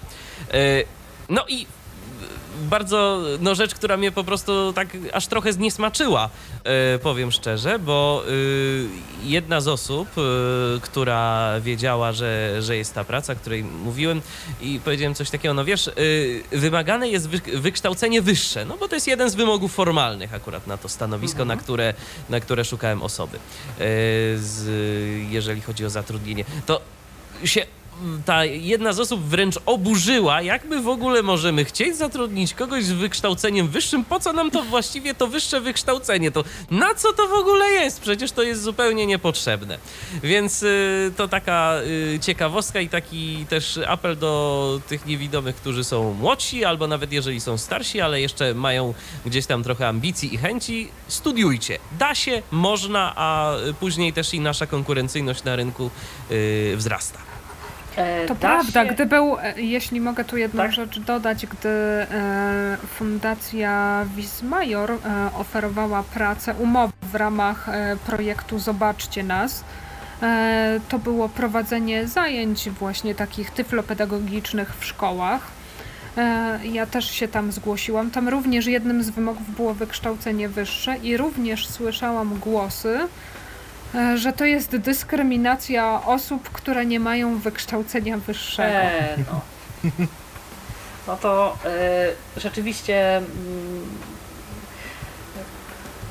no, pogratulować dobrego samopoczucia, bo trudno to w jakikolwiek sposób y, inaczej skomentować. Natomiast chciałam zapytać Was o takie kwestie. Czy ten dostęp do edukacji dla osób niepełnosprawnych E, jest wystarczający. Ja tutaj też w jednym z podcastów miałam e, przyjemność gościć przedstawiciela mm, AGH i ku mojemu takiemu pozytywnemu bardzo zaskoczeniu e, jakby mm, dowiedziałam się, że również uczelnie takie, które jednak mm, kojarzyły się nam z takimi mniej dostępnymi dla osób niewidomych, również na kierunkach, na których to studiowanie jest możliwe, e, bardzo chętnie otwierają swoje podwoje dla e, adeptów właśnie e, tych, tych kierunków, tak? Więc e, e, tylko ja e, też e, m, no,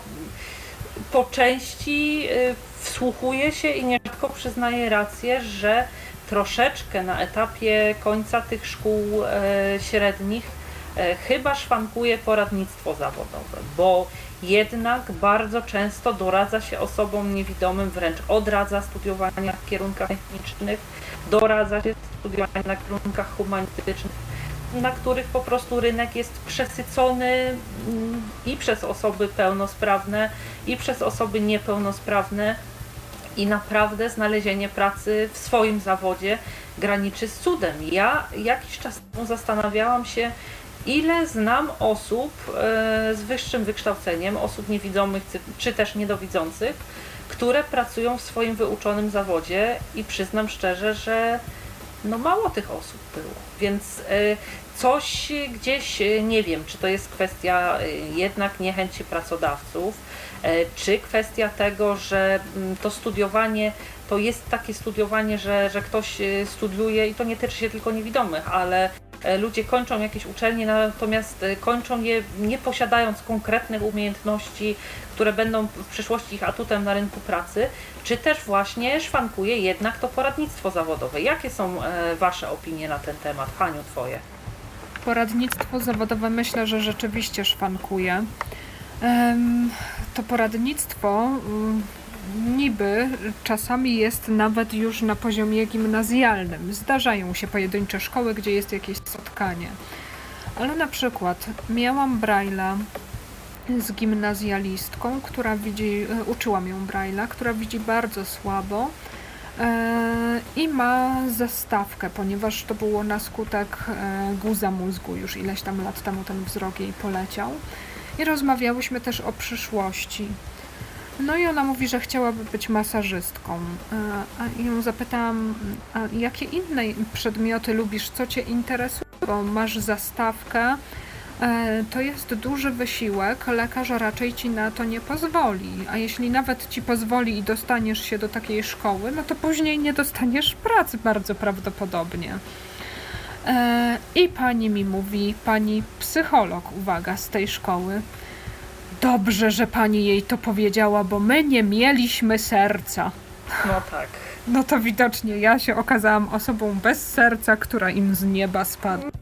No absolutnie nie. Ja myślę, że po prostu no, człowiek bez serca to jest e, w stanie po prostu, nie zważając na przyszłość drugiego człowieka, e, pewnych rzeczy mu nie odradzić, czy doradzić czegoś lepszego.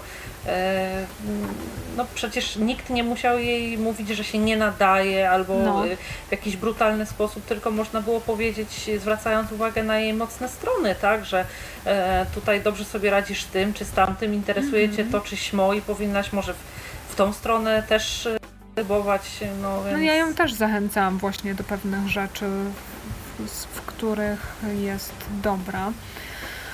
Ech, No poradnictwo, nie wiem też jak to jest we wszystkich szkołach, ale rzeczywiście em, niezależnie od tego, czy uczy się młoda osoba w szkole dla niewidomych, czy integracyjnej, e, czy ogólnodostępnej, to często jest tak, że nie pomysłu na to, co dalej. Em, Natomiast problem, myślę, dotyczy też wielu pełnosprawnych. No a jak jest z samym dostępem do edukacji, jest bardzo różnie. Z jednej strony teraz mamy więcej materiałów różnych, jest sprzęt, drukarki brajlowskie i tak dalej. Z drugiej jednak nadal dzieci, które są w integracji, oczywiście nie wszystkie, e, ale nadal, że są traktowane ulgowo, że jakoś tak nie ma na nie pomysłu, no i potem okazuje się, że one bardzo niewiele umieją. E, Skoro uczę, bo no właśnie od czasu do czasu uczę różne osoby Braille'a, pracowałam i z dorosłymi, i z dziećmi. I skoro do gimnazjum e, ktoś pracuje tylko z dyktafonem, a naprawdę taka sytuacja miała miejsce, nawet komputera, komputer wany. I potem ten braille no już jakoś szedł i dyktuje wyraz czapka, A dziewczynka mi mówi, proszę pani, ale nie było jeszcze literki czy, jeszcze takiej nie poznaliśmy. To w tym momencie ja byłam przerażona, że coś takiego się może wydarzyć w Polsce w XXI wieku. No tak, no bo to właściwie taka osoba jest, e, jest analfabetą. Ja No. e, uczęszczając właśnie do szkoły w Krakowie, e, część osób, które mm, przyszły jakby do nas do liceum z e, ja już tutaj kiedyś nawet e, jak prowadziliśmy z Michałem i z Bożeną Słowik, tyflopedagogiem, program o tej edukacji integracyjnej i, w ośrodkach specjalnych, to wspominałam o tym, że po prostu były, przychodziły do nas, e, do liceum osoby, które e, po prostu za którymi te braki gdzieś tam z e, szkół wcześniejszych, tych podstawowych, do których uczęszczały, po prostu ciągnęły się do samej matury. Przychodziły też osoby, które na pewno nakładem własnej ogromnej pracy, mimo e, tego, że wtedy jeszcze tych materiałów tak dostępnych nie było i tak dalej, i tak dalej,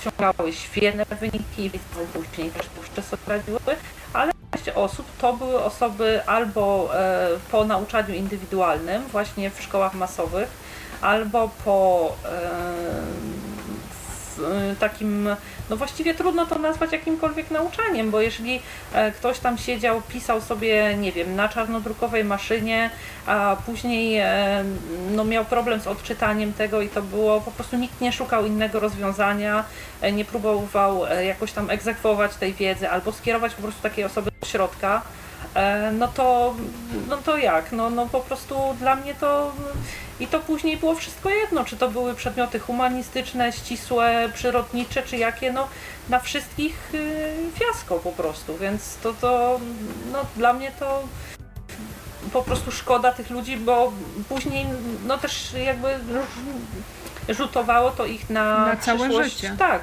i w dalszej edukacji. Przepraszam. I w dalszej edukacji, w późniejszej pracy.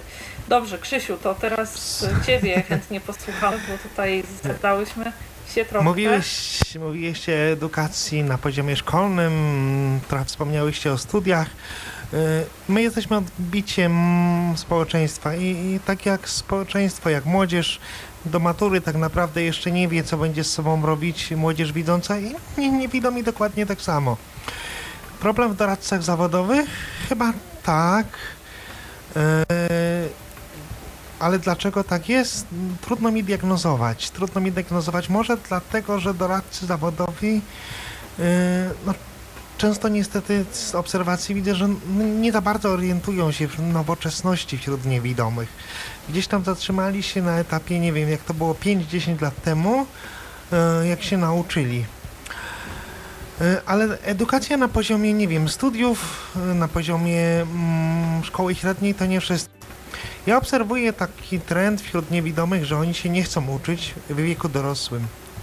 Y, Uważam, że to jest bardzo duży problem, że niewidomi gdzieś tam czegoś się nauczyli. Jedni na poziomie szkoły średniej, inni na poziomie studium, inni na poziomie studiów i koniec, zatrzymali się. Jak gdyby nie ma chęci y, zgłębiania swojej wiedzy, czy to zawodowej, e, czy po to, żeby pracować społecznie. Gdzieś tam się zatrzymali. E, z czego to wnioskuję? Z rozmów, e, ale też z obserwacji. Zauważcie, że na listach dyskusyjnych dla niewidomych rzadko kiedyś są jakieś pytania o dostępne kursy, o dostępne platformy do nauki, e, gdzie można kupić jakiś kurs. Są tylko pytania ewentualnie o słowniki. Czasami zdarzy się e, pytanie jakiegoś masażysty i koniec. E, I to jest też dramat, że ci niewidomi nie chcą się uczyć w wieku dorosłym, a w tej chwili, żeby utrzymać pracę, żeby się rozwijać, no to trzeba się uczyć do śmierci. O tak, no, to, chyba nie mamy innego wyjścia. to jest prawda, natomiast powiem też, że e, tutaj z rozmów z osobami niewidomymi widzę, że troszeczkę tak pozytywnie odniesie do tego, co mówiłeś. Osoby niewidome bardzo chętnie uczyłyby się języków. E, natomiast jest kwestia tego typu, że e, gdzieś powiedzmy, nie wiem, w Warszawie czy w większych miastach są przez e, różnego rodzaju organizacje organizowane kursy językowe. E, Ja tutaj, e, że tak powiem, będę się posiłkowała swoim doświadczeniem. Kiedyś tam parę lat temu, 5 czy 6, stwierdziliśmy z mężem, że tak, pora tam Polish My English, więc stwierdziliśmy, że poszukamy sobie szkoły językowej i e, odwiedziliśmy, najpierw oczywiście kontaktowaliśmy się telefonicznie, e, wszystko super, świetnie, świetnie, przyjmą po prostu bardzo chętnie, już po prostu od już od zaraz. E, W momencie, kiedy przychodziliśmy na spotkania, to okazywało się, że no oczywiście przyjmą nas, no bo w sumie no, głupio by było powiedzieć, że nie, jako osób niewidomych. E, No ja mówię, no a jak wyglądałaby kwestia ewentualnie dostępnością materiałów, czy byłaby możliwość e, tych materiałów, które drukuje tak czy siak ten e, nauczyciel dla grupy, przesyłania nam w formie elektronicznej, żebyśmy mieli możliwość przygotowywania się do zajęć, no bo już tam wiadomo, książki możemy sobie przeskanować, czy jakieś tam kursy elektroniczne nabyć, słowniki i tak dalej. E, No więc y, tutaj szkoła, że oczywiście odpłatność pełna, bo jak to w grupie, natomiast co my wyniesiemy z zajęć, to już jest nasza sprawa. Więc e, tak przerobiliśmy trzy takie szkoły. W końcu zatrudniliśmy e, po prostu osobę prywatną, która uczyła nas indywidualnie, bo stwierdziliśmy, no, że po prostu zapisując się na ten kurs wyrzucimy pieniądze w błoto i e, o wiele więcej skorzystamy dokładając może trochę do tego więcej, ale po prostu korzystając z, z indywidualnego nauczyciela. Pani sprawdziła się doskonale, przesyłała nam i słownictwo, i gramatykę, i wszelkiego rodzaju ćwiczenia. Nie było problemu z zorganizowaniem dla nas jakichś e, tam e, powiedzmy kolejnych lekcji w wersji audio. E, Wszystko było w ogóle sama opracowywała różne metody, wiecie jak miała w książkach różne rysunki z odpowiedziami do zaznaczania. Swój pomysł miała na to, jak to z nami przerobić. Nie było żadnego problemu, żebyśmy mogli sobie te lekcje nagrywać do powtarzania, więc po prostu e, powiem tak. Z jednej strony może rzeczywiście jest niechęć, ale z drugiej strony e, też e, czasami jest tak, że chęć e, łatwo zostaje, mm, że tak powiem, spalona i zgaszona, bo, bo gdybyśmy nie znaleźli tej pani, no to no nie zdecydowalibyśmy się na pewno na żaden z tych kursów językowych, które nam proponowano. To ja proponuję teraz, żebyśmy odebrali telefon, bo mamy słuchacza na linii. Halo? Halo? Halo, halo, słychać mnie? Słychać jak Tak, najbardziej. Tak, witamy. Kogo słuchamy? Witam Henryk. Tak. E, Właśnie przysłucham się tej rozmowie, mm, bo za tydzień będę miał kurs y, dla nauczycieli, którzy będą chcieli uczyć niewidomych w szkołach widzących i przez trzy tygodnie, a być może dalej jeszcze później będę się zmagał z różnymi osobami, które e, funkcjonują w środowisku e, dorosłych i bardzo mnie będzie interesowało znowu, żebym sobie odnowił swoje mm, pojęcie, jakie oni mają z kolei pojęcie o nas. No bo to jest ciekawe, to jest zawsze znak czasów dla mnie. Y, To się zmienia w latach tam 50., 60., pewnie inaczej było i tak dalej, i tak dalej. Teraz się to zmieniło na szczęście i, i myślę, że myślę, że y, ich pojęcie będzie znacznie już lepsze niż znacznie takie powiedzmy nam bardziej odpowiadające niż było kiedyś. No ale sam jestem ciekaw i sam jestem ciekaw opinii, które tu jeszcze może będą w tej audycji wykorzystywane. Sam wiem, że to jest tak różnie.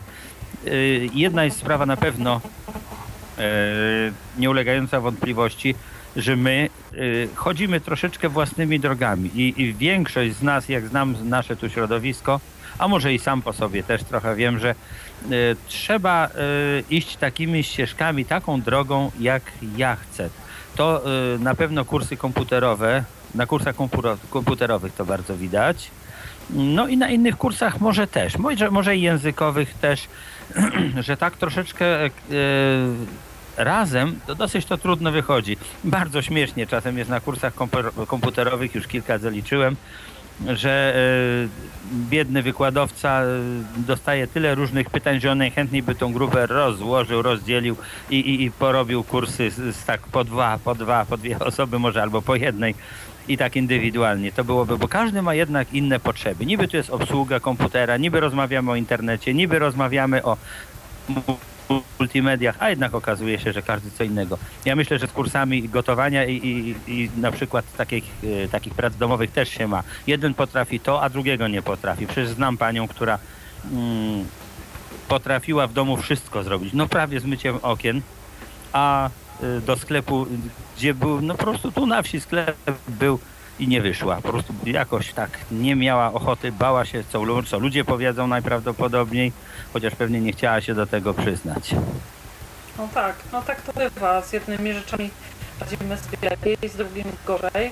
Najważniejsze, żebyśmy sami w sobie i w sobie wzajemnie szanowali te rzeczy, których potrafimy, a te, których nie potrafimy, żeby były dla nas e, motywacją do nauki, a nie e, jakby źródłem pogardy dla siebie samych i dla innych osób.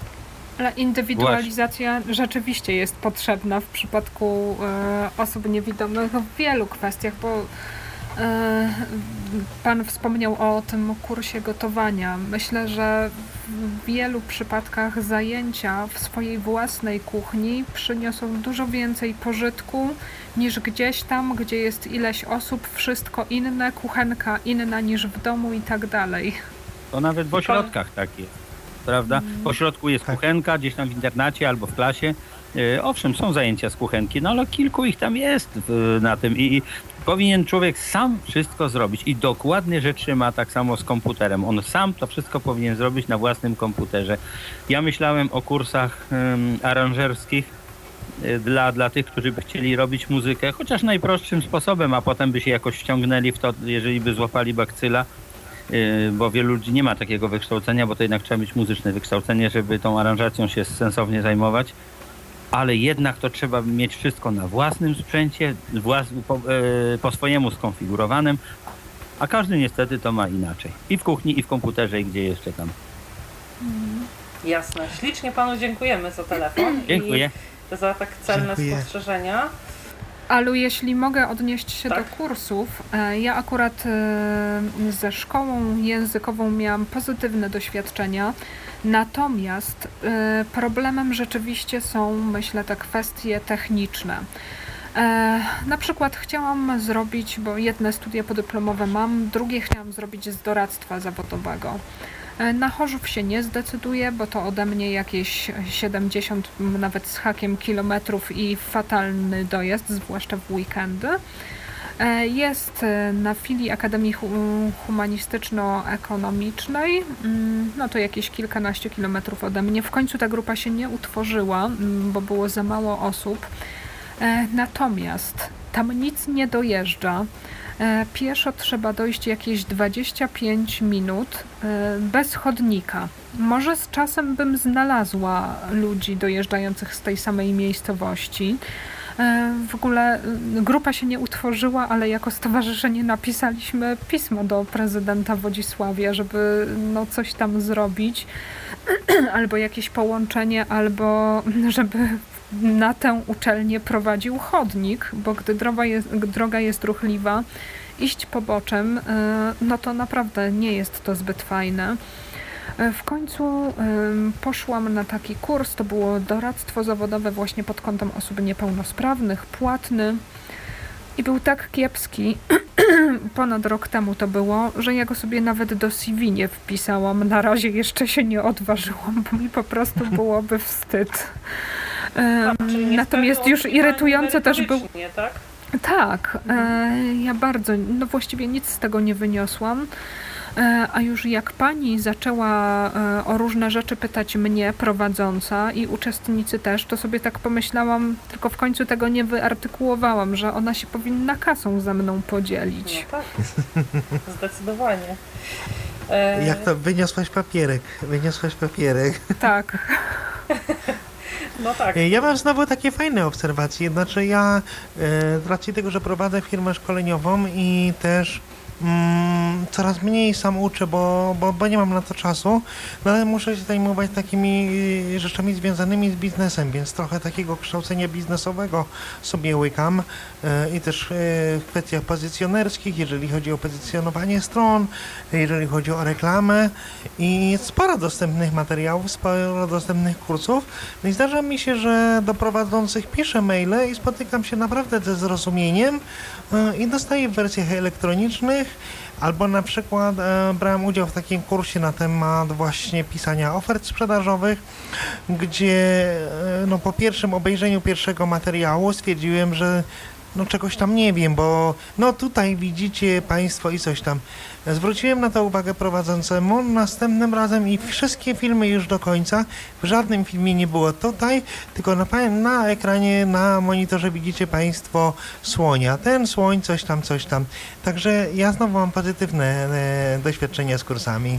No, ja myślę, że masz pozytywne też doświadczenia z ludźmi, bo to tutaj wiesz, no mógłby się ten prowadzący okazać taki i, i taki, jak to właśnie było w przypadku tej naszej pani, która uczyła nas angielskiego, więc e, myślę, że to też jest kwestią e, w dużej mierze podejścia, tak? Dobrze, to zostawmy tą edukację, porozmawiajmy chwilę o aspektach prawnych naszego statusu. Jak to jest? Czy to jest tak, że mm, zmiany w ustawodawstwie rzeczywiście wpływają jakoś znacząco na poprawę jakości naszego życia? E, I jeszcze jedno ważne pytanie, które chciałam Wam zadać. E, czy my, jako grupa, e, jako pewna społeczność, jesteśmy e, właściwie reprezentowani przez liderów tej społeczności? Każda społecznie identyfikowana grupa ma jakichś liderów, którzy na takich czy innych polach robią to mniej lub bardziej e, udanie i adekwatnie. Jak to jest w przypadku osób niewidomych, Krzysiu? Ha, e, mm, zmiany prawne, które prawa mamy całkiem niezłe, e, ale to, wpływa, to prawo, mam wrażenie, nie wpływa znacząco na zmianę naszej sytuacji. E, Karta Praw Osób Niepełnosprawnych uchwalona no, prawie 20 lat temu, już taka jest e, pełnoletnia ta Karta Praw Osób Niepełnosprawnych. Co z niej wynika? Nic z niej nie wynika. E, No, ustawa o zatrudnianiu rehabilitacji zawodowej osób niepełnosprawnych, no taki, taka nasza Biblia, taka właściwie konstytucja dotycząca osób niepełnosprawnych, wielokrotnie nowelizowana, coraz większy gąszcz przepisów, a tak naprawdę jest potrzeba napisania nowej ustawy o rehabilitacji. E, Orzecznictwo, o którym e, żeśmy już tutaj wspominali, e, zgadzamy się, że, że jest potrzeba zmiana tego orzeczni- zmiany orzecznictwa. E, No, także no, nie ma też jak gdyby rozwiązań prawnych kierowanych stricte do niewidomych. O ile na przykład do osób głuchych mamy ustawę o języku migowym i innych środkach komunikowania się, to, to, to do osób niewidomych nie. Jeszcze, jeszcze ustawa, o której przed chwilą wspomniałem, czyli o e, języku migowym, do osób głuchoniewidomych może być kierowana. Natomiast stricte do niewidomych nic. Znaczącym chyba aktem prawnym, który zmienił naszą sytuację w ostatnich latach, to chyba są, jest rozporządzenie ministra transportu na temat e, ulg e, ustawowych i to jest tak z, z, z- z marszu jedyna, jedyna, jedyny akt prawny, który potrafi wymienić, rzeczywiście wpłynął w jakiś sposób na znaczący, na zmianę sytuacji konkretnie osób niewidomych. Często to jak- prawo niestety jest martwe, ponieważ no, do końca maja teoretycznie strony instytucji publicznych mają być dostosowane, mają być dostępne zgodnie z wytycznymi w CAK 2.0. Ale jeśli nie będą, to co? Ja się w tym rozporządzeniu nie natknęłam na żadne sankcje. Konieczność też poszerzenia tego prawa, na przykład o moim zdaniem serwisy bankowe, ponieważ no okej, mogę się przenieść do innego banku, jeśli mój bank coś tam zacznie świrować, ale nie mam pewności, jak długo ten inny bank będzie dla mnie dostępny, ten nowy. A poza tym E, teraz- jesteś takim samym obywatelem jak każdy i generalnie No z powodu tego, że serwis jest niedostępny, no nie powinnaś mieć takiej konieczności, żeby co pół roku, e, wiesz, e, Gdzieś się przenosić. bank. Tak. E, Poza tym e, teraz e, Ministerstwo Edukacji Narodowej e, rozpoczęło konsultacje dotyczące kształcenia uczniów niepełnosprawnych. Od dzisiaj na stronie miała być ankieta, po południu jeszcze jej nie było. E, I są też e, grupy fokusowe, będzie konferencja w Warszawie i w kilku miejscach warsztaty m, w Lublinie, w Kielcach, gdzieś tam jeszcze. No na przykład na Śląsku w Małopolsce nie ma nic. E, Ja napisałam do menu, czy, czy planują to, bo to jest w ramach środków unijnych, w ramach programu operacyjnego Kapitał Ludzki, jest na stronie informacja. I zapytałam, czy gdzieś w tych rejonach planują, E, a jeśli nie, mm, to czy na przykład jest koszt, zwrot kosztów dojazdu do tego Lublina, czy gdzieś tam, gdyby tak nauczyciele czy inni chcieli sobie pojechać. Nie planujemy i zwrotu też nie będzie, ale będzie catering, tak mi odpisano, Aha, który nie, no, jest moim zdaniem najmniej istotnym składnikiem tych konsultacji. E, Wolałabym sobie przywieźć swoją kanapkę, czy coś kupić, czy kupić frytki na dworcu, e, a móc jakoś w tym uczestniczyć. Więc co z tych konsultacji wyniknie? No tego nie wiemy. Jaka będzie ankieta? Czy to znowu nie będzie jakaś fikcja? Ale się odbyło. Będzie ja myślę, że też jeszcze w kwestii zmian prawnych bardzo ciekawi mnie, jak się zakończy sprawa nakładek. Mhm. Bo e, abstrahując od tego, jakie mamy podejście do samych nakładek, do tego, czy one są potrzebne, czy one spełniają swoją rolę, e, to jak ta sprawa się zakończy, bardzo jestem ciekawy, bo to, ona się zakończy, również może rzutować na e, różne rozwiązania prawne, bo no, z jednej strony ociera się to o dyskryminację, z drugiej strony e, ociera się to o jakieś e, przesadne koszty, które są tam uzasadnione bądź nie, e, też nie, nie nam tu rozstrzygać. Ja uważam, że nie, ale nie nam to rozstrzygać. I sam jestem ciekawy, jak ten, e, ta łamigłówka prawna, która teraz powstała, jak, będzie, jak się to zakończy. No tak. E, To ja tutaj też niejako w kwestii nakładek, bo też sporo głosów się do tego odnosiło, że tak powiem, powtórzę część pytania, czy my uważacie, że my jako e, społeczność osób e, niepełnosprawnych jesteśmy e, właściwie reprezentowani przez swoich liderów, bo ja mam e, czasami wrażenie takiego dźwięku. Z jednej strony widzę osoby, które są aktywne i zaangażowane, żeby zrobić to czy tamto, a z drugiej strony e, widzę e, głos e, powiedzmy społeczności, e, bo to już nie chodzi o to, czy to, e, co ma być załatwione, e, jakby jest sensowne, bezsensowne, przedmiotowe i tak dalej. Tutaj jakby abstrahuję zupełnie od tego. E, Chodzi mi o taki rozdźwięk, który jest między e, reprezentantami, którzy biorą udział w jakichś konsultacjach społecznych, a e, osobami, które twierdzą, że one jakby nie dają tym akurat osobom, czy tym akurat organizacjom mandatu na, na reprezentowanie tej społeczności, bo o ile e, zwróćcie uwagę przy wszelkiego rodzaju jakichś protestach, które się odbywają e, gdzieś w jakichś branżach, tak, e, górniczych, takich, śmakich, są prowadzone konsultacje najpierw na etapie samego środowiska, tak, są masówki, w których ludzie się wypowiadają, czy w ogóle są za protestem, jaką on powinien mieć formę, kto powinien reprezentować w negocjacjach itd., itd. E, To jakby mm, u nas rzeczywiście ewidentnie ten, ten rozdźwięk jest. Tak jakby z jednej strony e, są osoby, które niewątpliwie e, angażują się w to, żeby zrobić coś na rzecz tej społeczności, tylko też e, jakby e, to już nie chodzi o to, czy ja mam takie przekonanie, czy nie, tylko słyszymy, że społeczność e, jakby e, czuje się jakąś siłą, która przez kogoś tam jest reprezentowana, ale z którą ci reprezentanci jakby tak nie za bardzo się liczą. I jak to jest waszym zdaniem? Myślę, że tutaj jest problem z liderami, bo z jednej strony e, kilka lat temu nawet PZN organizował szkolenie dla liderów młodzieżowych, ale z drugiej ja bym chciała, żeby to były takie osoby pracujące czy działające w PZN-ie, gdzie czułabym, że one są po mojej stronie, czy po stronie niewidomych.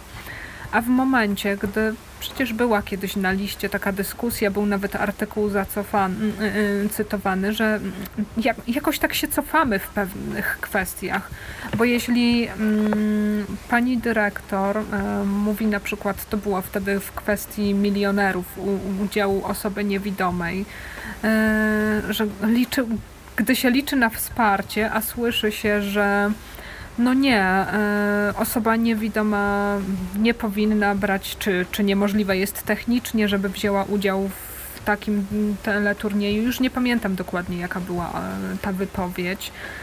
E, czy był też taki tekst, chyba w polityce po wyborach samorządowych, gdzie to rozwiązanie z nakładkami też no, nie było zbyt pozytywnie ocenione ani przez PZN e, i była też tam wypowiedź kogoś z Altixu. Okej, okay, ja też uważam, że, że można, że mógłby być jeszcze lepszy system, na przykład maszyny do głosowania, tak jak jest to w Stanach, udźwiękowione. Natomiast no, chciałabym jednak, żeby osoby, które jakoś tam nas reprezentują, żeby one jednak mówiły o tym, jak ważne są prawa osób niepełnosprawnych i starały się jakoś dążyć do tego, żeby nam ich nie odbierano. No teraz PZN akurat też popiera petycję y, i napisał pismo, żeby nie rezygnować z nakładek. No i dobrze. No tak, a jakie jest Twoje, Krzysiu, zdanie na ten temat? Yy, powtórzę się, jesteśmy odbiciem społeczeństwa. Mamy ileś tam organizacji lewicowych, mamy ileś tam organizacji, organizacji prawicowych, centrowych. Tak samo mamy ileś tam organizacji reprezentujących środowiska niewidomych. Yy, ta yy, rzesza niewidomych, owszem, może być niezadowolona z tego, w jaki sposób jest reprezentowana, ale też nie widać żadnego ruchu oddolnego do stworzenia alternatywy dla istniejących fundacji czy istniejących organizacji. I mam wrażenie, że niewidomi tylko tak sobie biją pianę dla bicia piany. Nic z tego nie wynika. I chwała tym, którzy cokolwiek starają się robić. Możemy się znowu zgadzać lub nie z tym, jak to robią, czy to robią, czemu to robią, dlaczego to robią, y, ale jest niewielu tak naprawdę liderów, którzy coś robią. Uwarunkowane też te działania tych naszych liderów, musimy to z tego sobie zdawać sprawę, że są mm, przez okoliczności. Nie można napisać na przykład e, projektu jakiegoś przedsięwzięcia, e, które akurat byłoby potrzebne w różnym aspekcie życia niewidomych, e, też w aspekcie prawnym, bo na przykład środki nie przewidują tego, więc działa się tak jak się działa. Nie reprezentuje się osoby osób niewidomych w kwestii, nie wiem, na przykład tego, żeby wszyscy niewidomi dostawali 2000 dodatku dla niewidomych, bo nikt nie chce słuchać. Muszą się stworzyć na oku, wokół okoliczności, żeby tego, ten postulat został wysłuchany. Więc często ci liderzy są ograniczeni do momentu, bo w tym momencie akurat rozmawiamy o nakładkach, więc ci liderzy mogą o tym mówić. Ale na przykład, jeżeli nawet ci liderzy uważaliby, że warto by wprowadzić e, no, dodatek dla niewidomych, e, uparłem się do niego e, tylko jako przykład, to nie porozmawiają. Także liderstwo czasami jest ograniczone przez warunki zewnętrzne, to jest raz, a dwa nie widać ruchu, ruchów oddolnych. Nie do końca się zgodzę tym, z tym, że nie widać tych ruchów oddolnych, bo jednak e, powstały też organizacje, które się wyspecjalizowały E, czy w audiodeskrypcji, e, czy no, tak. w innych szkoleniach, czy my też staramy się nasze stowarzyszenie jakoś tam lokalnie. Natomiast taką organizacją rozpoznawalną jest jednak zdecydowanie bardziej PZN. Tak, ja się z Tobą zgodzę. No, y, Mi nie chodzi bo te ruchy oddolne, czyli Fundacja Instytut Rozwoju Regionalnego, Szansa dla Niewidomych, Katarynka, Audiodeskrypcja, Wielkopolskie Stowarzyszenie Niewidomych i tak, i tak dalej, powstały jakiś y, czas temu i robią swoje, i robią świetną robotę. Y, Natomiast nie widać w tym momencie ruchów oddolnych. Jest tylko bicie piany. I, i, i o tym tylko y, Mhm. mówię. Okej, ale słuchajcie, ja jeszcze e, tutaj też jakby spróbuję e, spojrzeć na to z perspektywy e, tych, że tak powiem, ruchów i nieruchów oddolnych, bo oczywiście mi też bardzo nie podoba się e, takie podejście, że e, jak się mówi o tym, że na przykład nie powinno być e, czegoś takiego jak e, dofinansowywane w całości, w 100% jakieś tam e, turnusy pseudorehabilitacyjne i tak dalej, i tak dalej, e, to ym, i argumentuje się tym, że e, po laski niewidomi chodzą do NFZ-u, a nie do PFRON-u, bo ich nie dofinansowywuje. E, Problemy są, e, powiedzmy, nie wiem, z pozyskaniem właśnie, nie wiem, psa przewodnika albo czegoś tam, rzeczy takich, które są jakby w pierwszej kolejności potrzebne, tak? A e, są turnusy, które no, no po prostu każdy, kto był, to wie. Nie będę tutaj w ogóle Mhm. zagłębiać się w temat, tak? I to w, y, jest y, nagle wielka awantura, że jak to, że przecież takie turnusy są ważne i tak dalej, i tak dalej. Natomiast ja zaobserwowałam taką sytuację, że te same osoby, które wcześniej e, jakby optowały bardzo za tym, że turnusy powinny być, bo usprawniają, bo później można zostać spadochroniarzem, żeglarzem i Pan Bóg jeden jeszcze wie kim, e, w momencie, kiedy przyszła dyskusja o nakładkach, to z kolei same jako kontrargumentu używały, że jak to, e, że tutaj e, ktoś narzeka, że takie drogie te nakładki, a lekką ręką są wydawane pieniądze na turnusy rehabilitacyjne.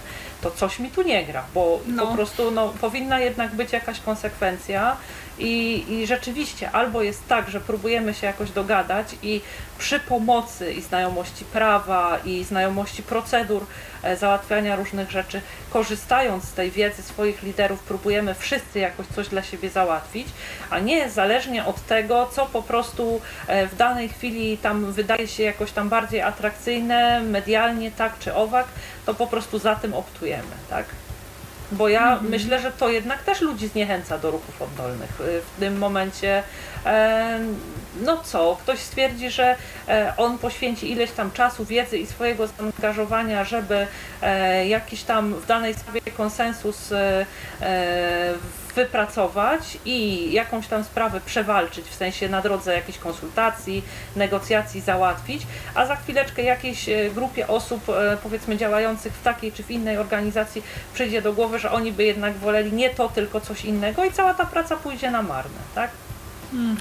E, Dlatego e, bardzo fajnym przykładem takiej współpracy środowisk e, osób z niepełnosprawnościami sensorycznych, sensorycznymi jest na pewno forum dostępnej cyberprzestrzeni, które zajmuje się dostępnością właśnie no, cyberprzestrzeni, jak sama nazwa mówi, dla osób z dysfunkcjami słuchu, dysfunkcjami wzroku i potrafimy się dogadać. E, I, i może trzeba było pójść w stronę rzeczywiście organizacji parasolowych, które zrzeszałyby organizacje po to, e, żeby jakiś konkretny, konkretną sprawę załatwić. Nie zrzeszać się tylko po to, żeby być, e, tylko żeby, nie wiem, tutaj mamy dla dostępności cyberprzestrzeni, a tutaj na przykład dla e, zrzeszyć się, powołać federa, federację dla e, przeciwdziałania dyskryminacji społecznej. Tak strzelam. E, może to by był dobry kierunek. Być może, I myślę tak. też, że takie, bo z jednej strony czasem też się mówi, że społeczeństwo nie rozumie osób niepełnosprawnych, ale my też nie znamy innych niepełnosprawności. E, I potem jest tak, że mm, gdy kiedyś Fundacja Synapsis działająca na rzecz osób autystycznych tam zbierała, czy jakieś SMS-y były, jakieś głosowanie i gdy ja o tym napisałam, e, no to jeden z listowiczów napisał, ale w ogóle jak to, dlaczego my im mamy pomagać, skoro oni nie są niewidomi, tylko autystyczni.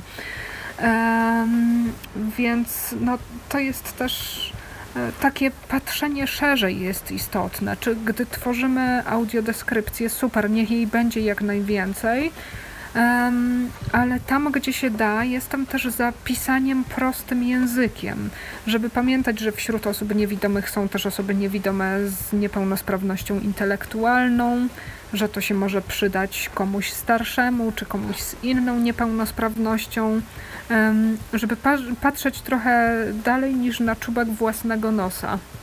Pewnie, pewnie, że tak.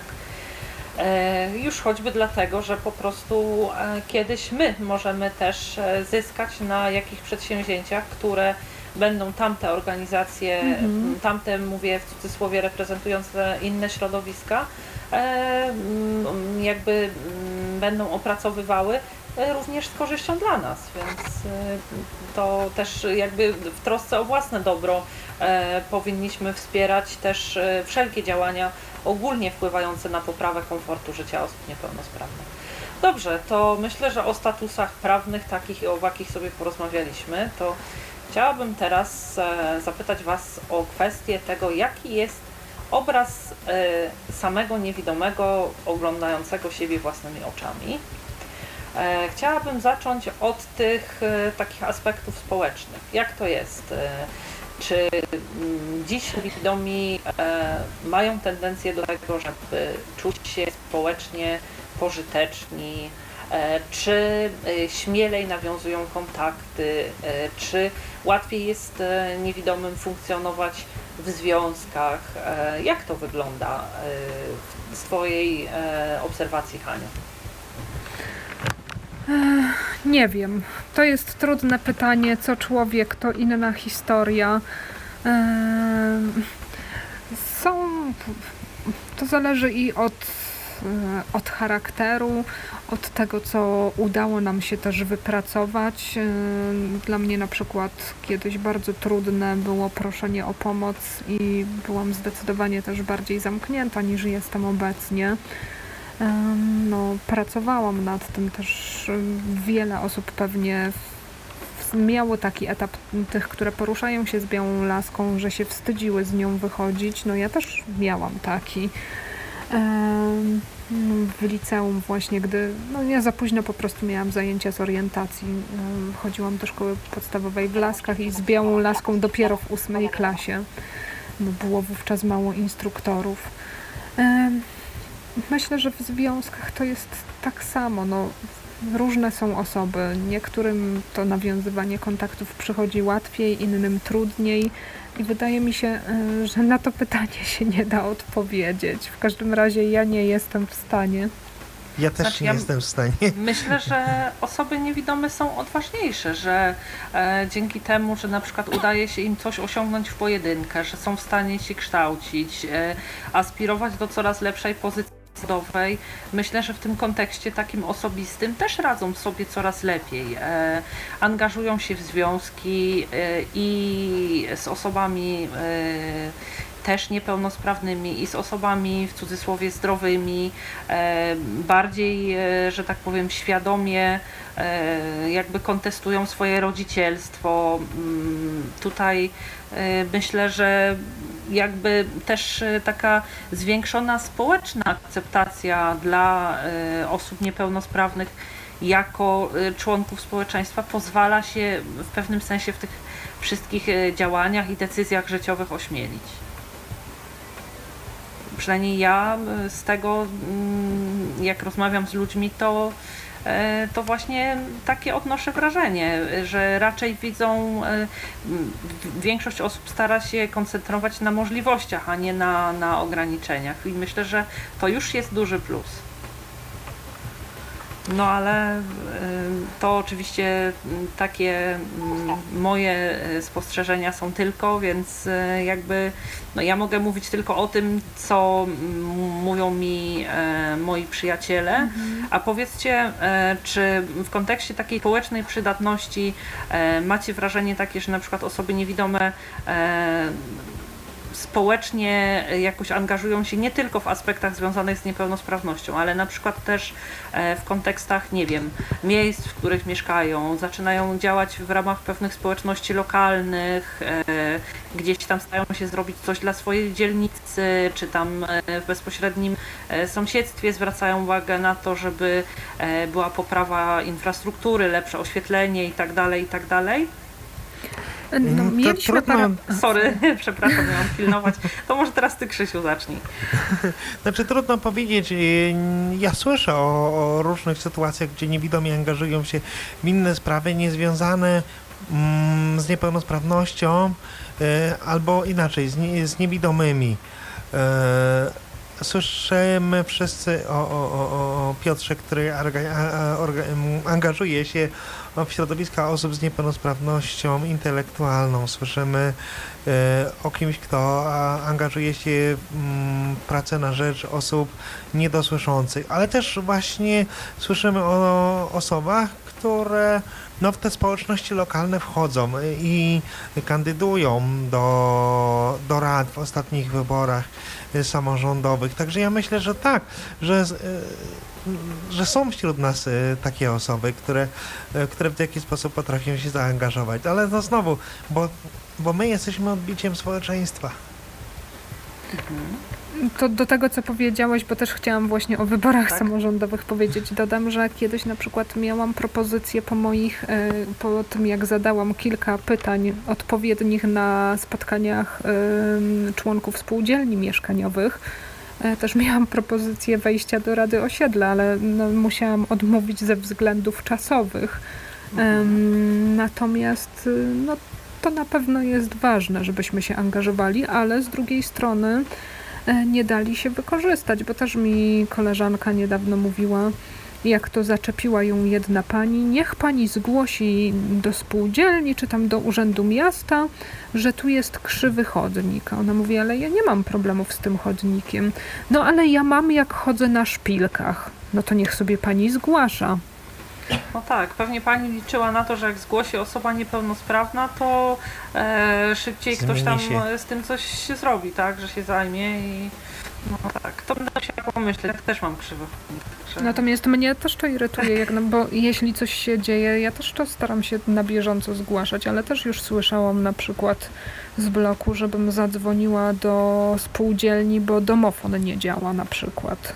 No tak, że tobie akurat jak tam mieszkasz i masz klucz, to no, Znaczy też już zgłaszałam takie rzeczy, ale y, no to skoro komuś to przeszkadza innemu, no to jest takie właśnie załatwianie wszystkiego na czyichś plecach. Tak. E, I e, później jeszcze e, ty, czy ktośkolwiek inny, będąc mm, grzecznym w stosunku do sąsiadów, zgłosi raz, drugi, trzeci. Sąsiedzi się dowie, że jest roszczeniowy. zadowoleni. Tak, a na koniec dowie się w tym w spółdzielni, że, że jest osobą super roszczeniową. Ja tak mam ze światłem u siebie w klatce. Nie wiem jak to jest, czy to naprawdę nikomu nie przeszkadza i tak dalej. To zewnętrzne światło przed klatką, e, ponieważ ja po ciemku to właściwie nic nie widzę, mogę spokojnie chodzić z laską, więc e, jakoś tam sobie radzę.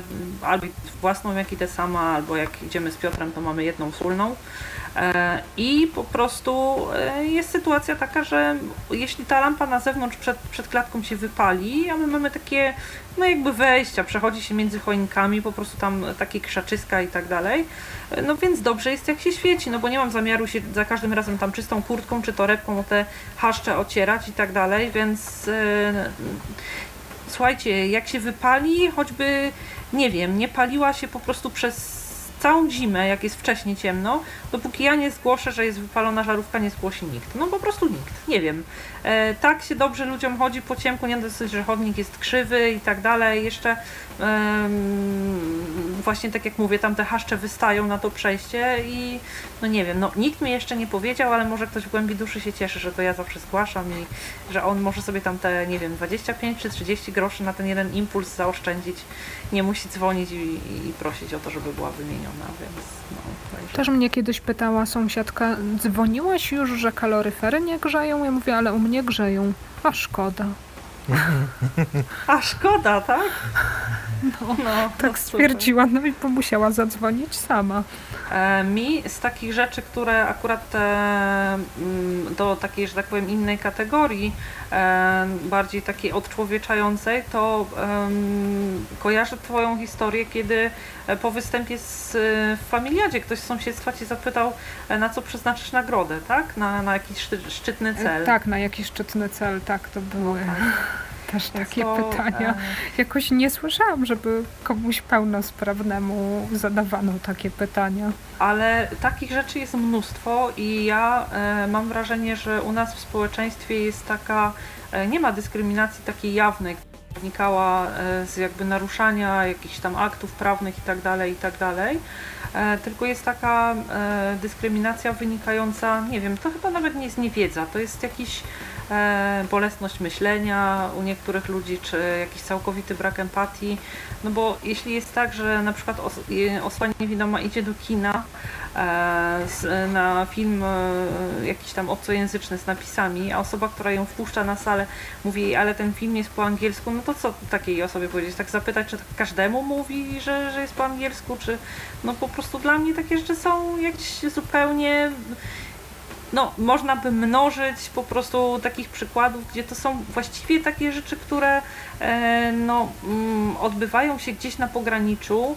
E, Trudno się jakoś tam obrazić, właściwie też i trudno się poskarżyć, bo gdzie, bo to zwykle jest indywidualny człowiek, który swoją bezmyślnością prowokuje takie sytuacje, ale też przez to nie stają się one mniej bolesne i jakieś takie, mm, no powiedzmy, mm, wystawiają społeczeństwu nie najlepsze świadectwo jednak. Czy na przykład, gdy kierowca w busie mi mówi, dlaczego nie pamiętam kodu zniżki, kodu na kasie fiskalnej dla osoby niepełnosprawnej, Aha, no tak, dla no. osoby niewidomej konkretnie. Mówi, bo teraz ja muszę tego szukać, a przecież pani już tą linią kiedyś jechała, to powinna pani pamiętać. E, Tak, i w ogóle wszyscy niewidomi powinni wiedzieć wszystko, co dotyczy niewidomych i nie tylko, i wszyscy się znają. Tutaj u mnie w podcaście była pani, e, która prowadzi kursy orientacji przestrzennej, która wprowadziła e, swojego kursanta, to znaczy weszła z kursantem do autobusu i tam momentalnie podeszła do niego e, jakaś pasażerka, złapała go pod ramię i tam mówi: O, ja pana zaprowadzę, bo tam pana koledzy siedzą. Oczywiście też jakieś dwie osoby niewidome siedziały gdzieś tam w tyle autobusu, no ale po prostu pani wyszła z założenia, że, że wszystkie osoby niewidome to jest jedna rodzina i wszyscy się znają i tam e, no akurat no, wtedy te osoby się nie znały i oczywiście w ogóle taka krępująca sytuacja wokół, no tak, tak to po prostu jest. E, Dobrze, to e, jeszcze e, przez chwilę chciałabym Was tutaj mm, zapytać o kwestie związane z takim jakby postrzeganiem siebie w sensie tego mm, takiego obrazu materialnego. Czy osoby, e, e, sytuacja materialna osób e, niewidomych zmienia się jakoś na korzyść, czy osoby niewidome sporo robią na rzeczy, tylko żeby własną sytuację poprawić i też jakby mm, jaki jest ich stosunek ogólnie, pracujecie w fundacjach, organizujecie różnego rodzaju kursy, jakieś tam szkolenia, programy celowe i tak dalej adresowane do, też do osób e, niewidomych i nie tylko. E, Jak to jest? E, Czy z Waszych spostrzeżeń wygląda to w ten sposób, że osoby niewidome owszem korzystają, bo to jest i tak dalej, e, ale na przykład, nie wiem, mają świadomość taką, że gdyby załóżmy musiały zapłacić za to z własnej kieszeni, to nie korzystałyby z takich czy innych szkoleń.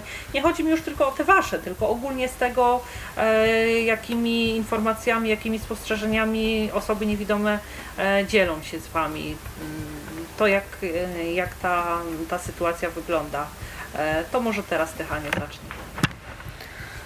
My ostatnio nie robiliśmy żadnych szkoleń takich dla osób niepełnosprawnych, natomiast gdy one były, to były osoby z różnymi niepełnosprawnościami, w tym niewidome też.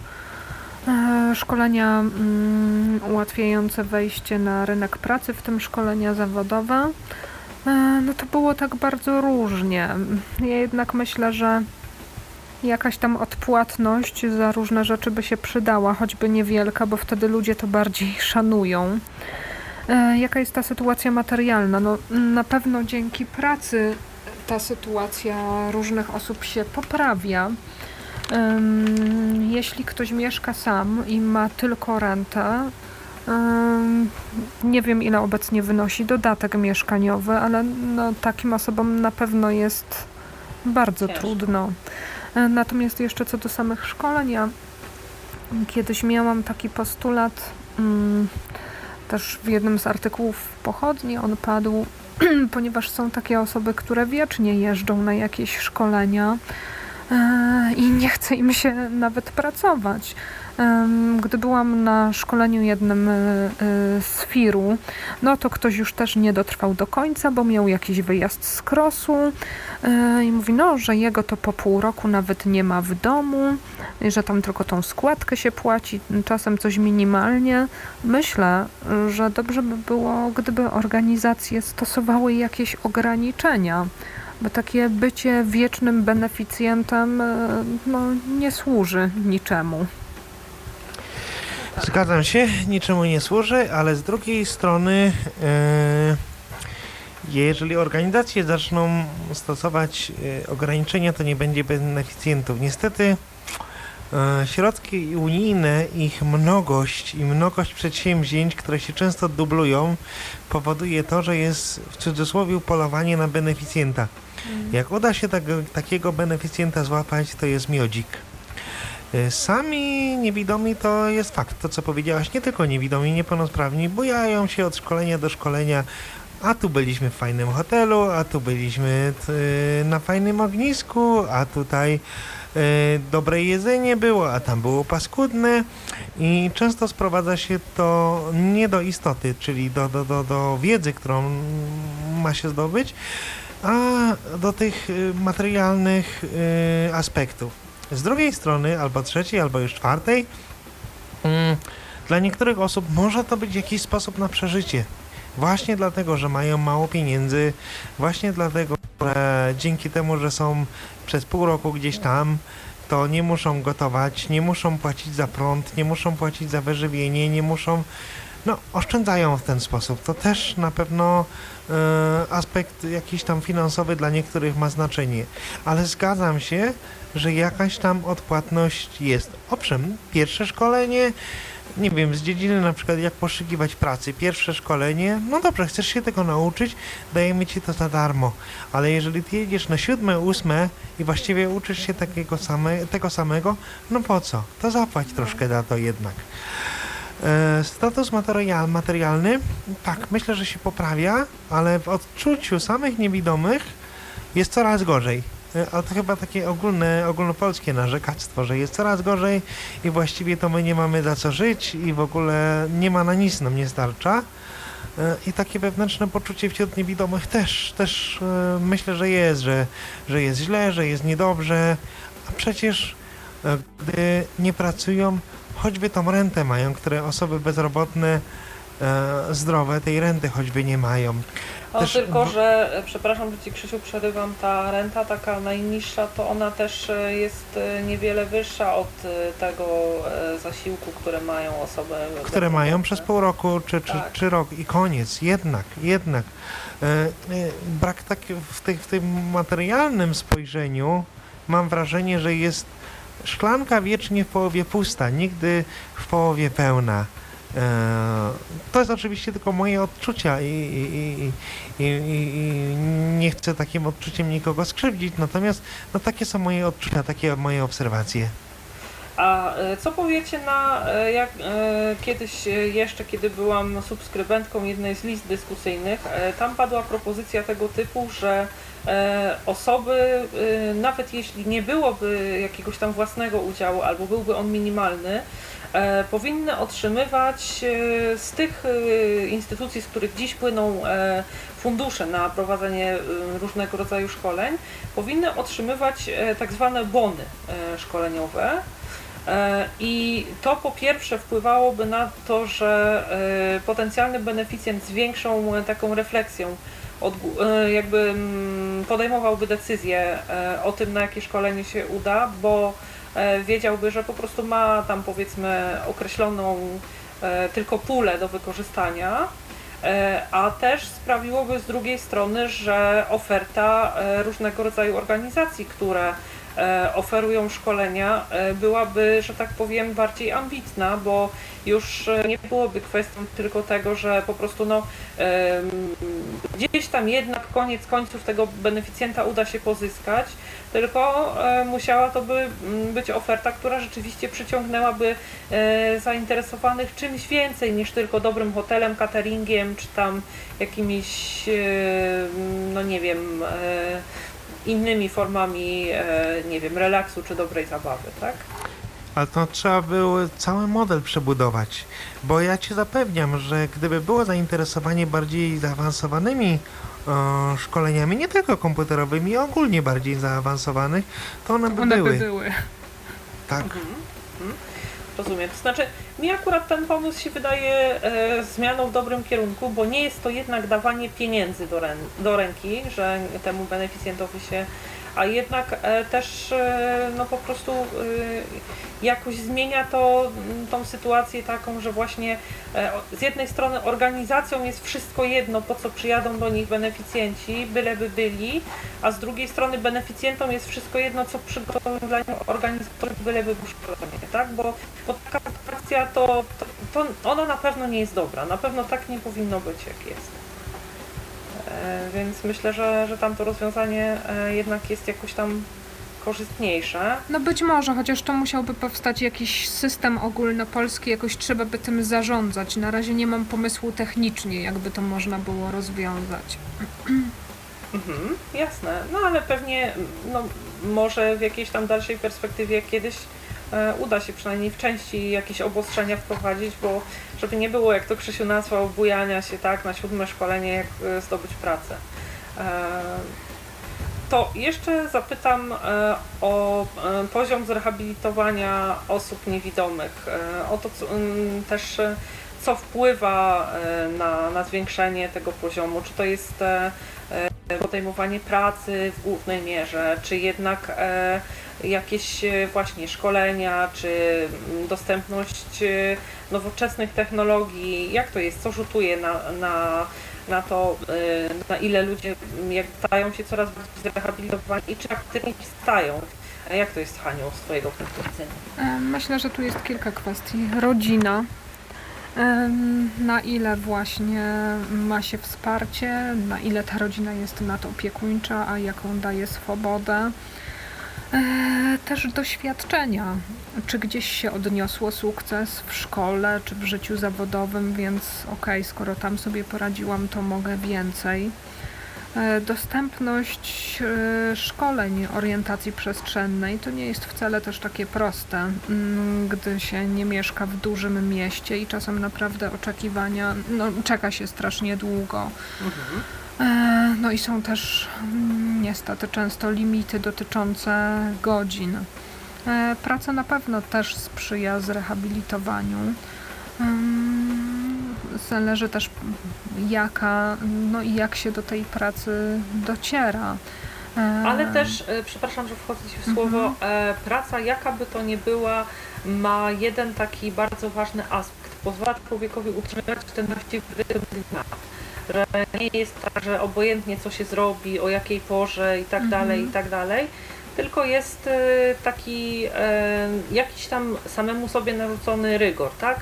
Że trzeba wstać, że trzeba się jakoś tam oporządzić, e, tą pracą się zająć, y, zorganizować sobie resztę dnia też tak, żeby z innymi rzeczami e, zdążyć do wieczora i tak dalej, i tak mhm. dalej, więc e, ten w takim aspekcie powiedzmy takiej własnej zborności na pewno praca służy. No to na pewno, chociaż był kiedyś też e, artykuł, e, to chyba jeszcze biuletyn, ten poprzedni pana Stanisława Kotowskiego, e, w którym była opisana historia, gdzie żona codziennie jeździła z mężem do pracy, potem po niego przyjeżdżała, no sama zrezygnowała z pracy, więc no z jednej strony praca powinna wpływać na, zrehabilitowa- na poziom zrehabilitowania, ale jak widać, no chyba tak Różnie nie jest bywa. zawsze. Mhm. Na poziom zrehabilitowania myślę, że też wpływa to, gdzie się mieszka.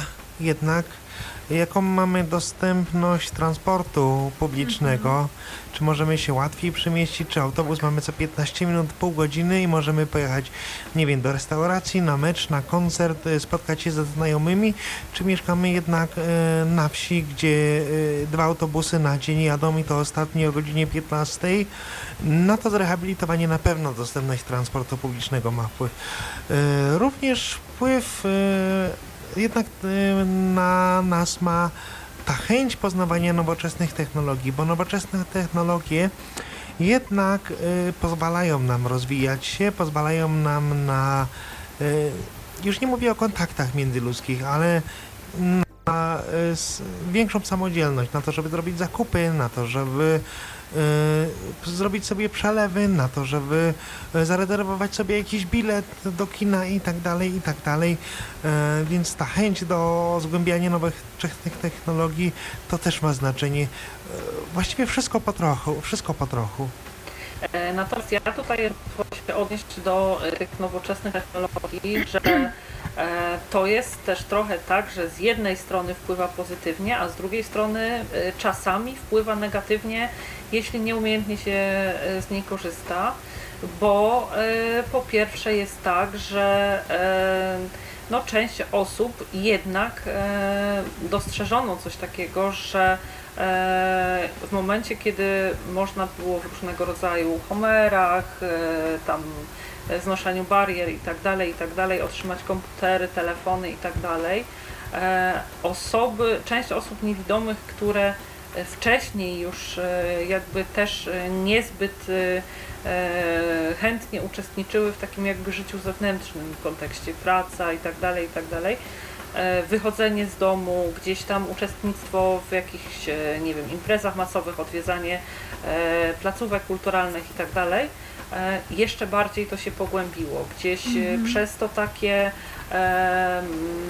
zaanektowanie sobie tego komputera i sprowadzenie wszelkich możliwości tylko do korzystania z komputera, kontaktu z ludźmi do korzystania tylko przez komputer, e, pozyskiwania wiedzy, e, nie wiem, słuchania muzyki, e, oglądania filmów i tak dalej, i tak wszystkiego e, przez komputer e, i jakby egzystowania w społeczności i w społeczności osób niepełnosprawnych i ogólnie w społeczeństwie tylko przez komputer, e, to jednak niektóre osoby może nie to, że jakoś wycofało, ale e, przestało motywować do tego, żeby e, na tej ścieżce rehabilitacji takiej realnej, gdzie się wychodzi do urzędu załatwić sprawę, wychodzi się, e, nie wiem, do pracy, wychodzi się na spotkanie z rodziną, e, wychodzi się ze znajomymi do kina albo na koncert i tak dalej, i tak dalej. Ten e, komputer stał się takim jakby maleńkim uniwersum i już nic poza nim, więc e, tutaj Ale też to- trzeba ostrożnie. Ale to jest problem ogólnospołeczny, e, to, że e, żyjemy w świecie mm, wirtualnym, a nie w świecie realnym, że to się pogłębia i myślę, że to nie, nie to zagrożenie, o którym wspominasz, to, to, to nie dotyczy tylko niektórych niewidomych, ale ogółu społeczeństwa. E, I tak i nie, bo myślę, że o osobę pełnosprawną, jak ona będzie siedziała przy komputerze, e, ta zdrowa część społeczeństwa szybciej się upomni niż o osobę niepełnosprawną. Ma ten komputer, No i niech po prostu pełnosprawnym siedzi, mniej to tak, zaszkodzi. Tak. E, I właśnie dokładnie, Haniu, masz rację, bo e, osoba pełnosprawna, nawet jeśli spędzi po prostu ileś tam e, komputerogodzin tak, na tym stołku przed ekranem, będzie potrzebowała wyjść, pójść gdzieś coś załatwić, albo będzie potrzebowała kontaktu takiego realnego z ludźmi, z ludźmi pełnosprawnymi, o wiele szybciej upora się z nawiązaniem tych relacji na nowo niż osoba niepełnosprawna. Więc tutaj ja byłabym bardzo, ale to bardzo ostrożna tym, w tym e, kontekście tych nowoczesnych technologii. Ale rzeczywiście z pracą, z różnego rodzaju e, programami takimi aktywizacyjnymi jak najbardziej się zgadzam, że wpływają na rehabilitację. Ostatni e, taki duży aspekt, który Ale sorry, tak? bo e, mogę się wciąć?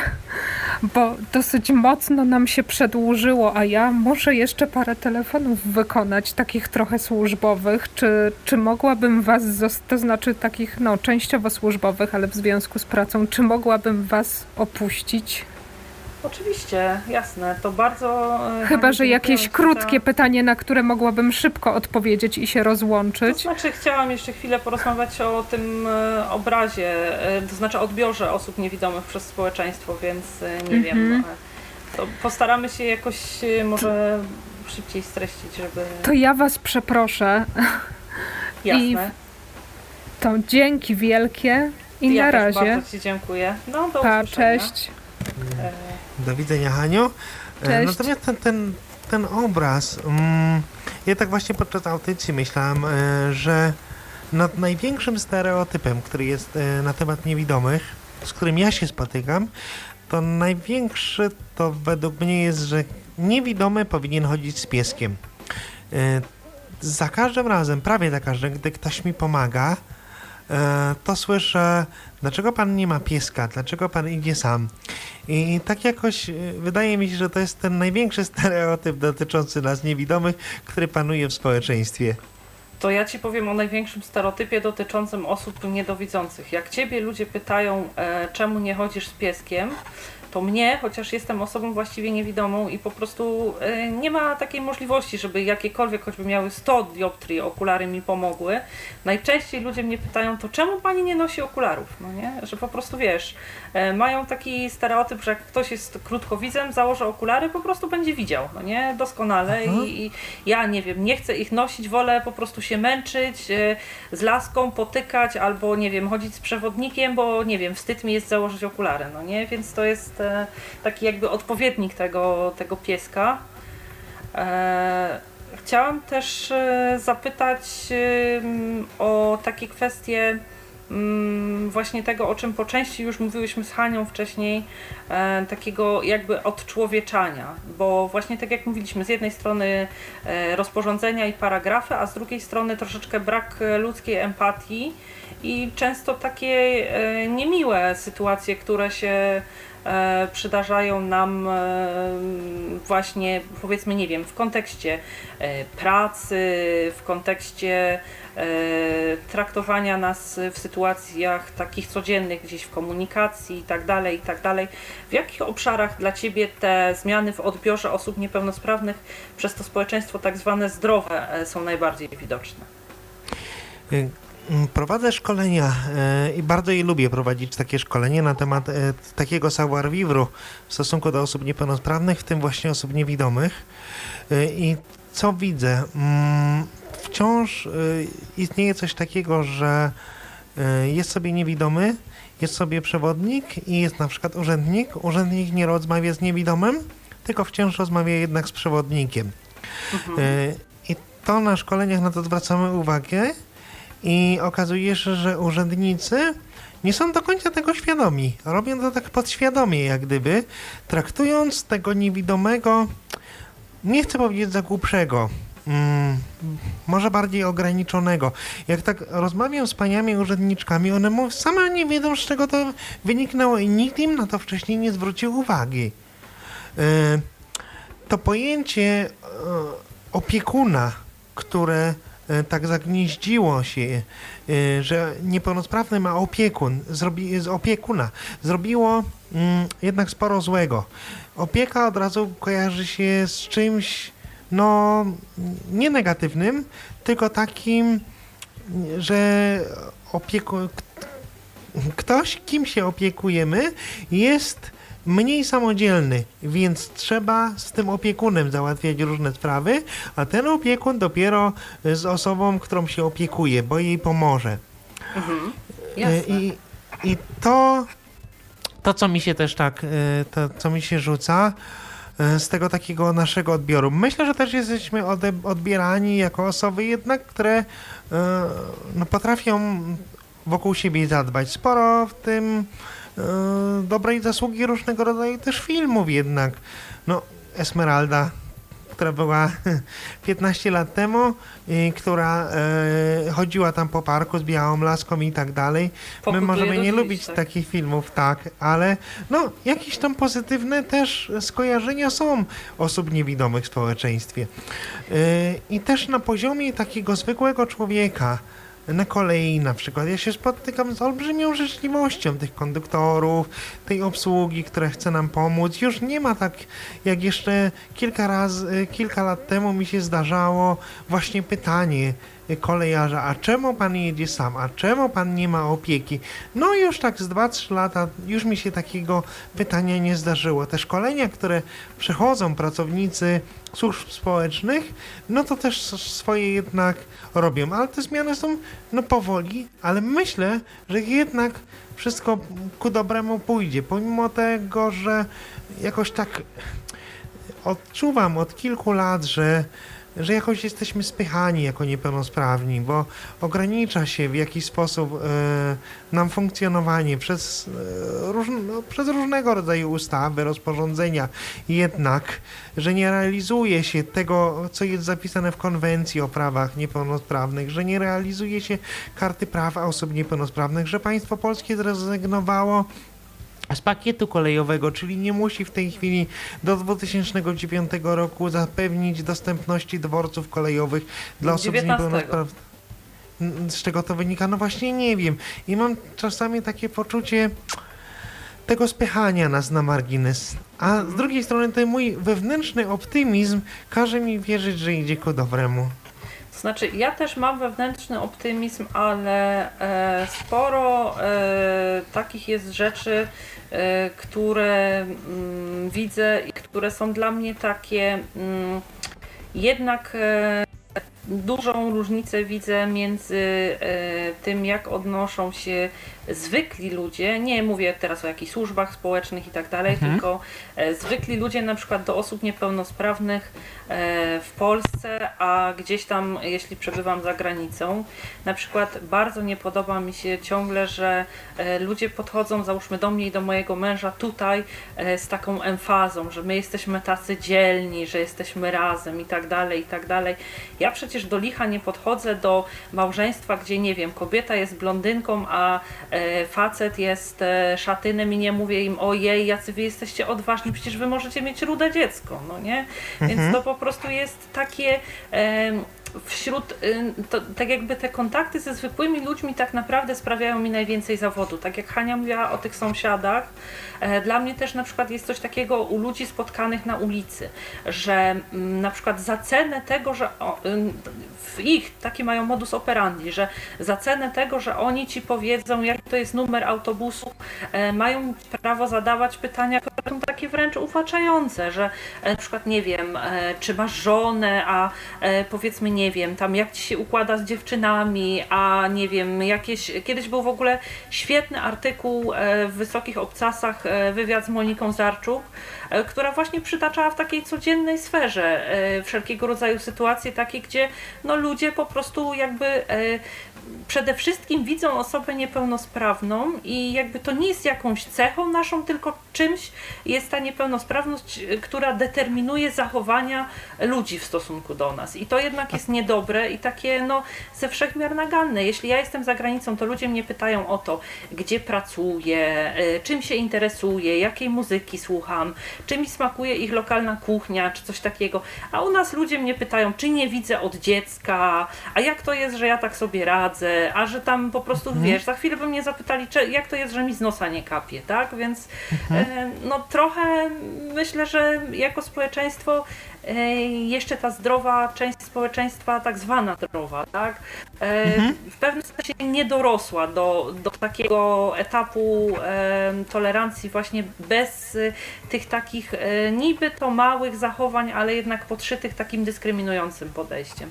I też, że, tak? Co, no właśnie to, co powiedziałeś, że za granicą e, ludzie się pytają, czy pan, czy pani, czy pani czyta książki, jakie książki pan lubi, e, c- zjadł pan tapas, czy panu smakowało i coś tam, coś.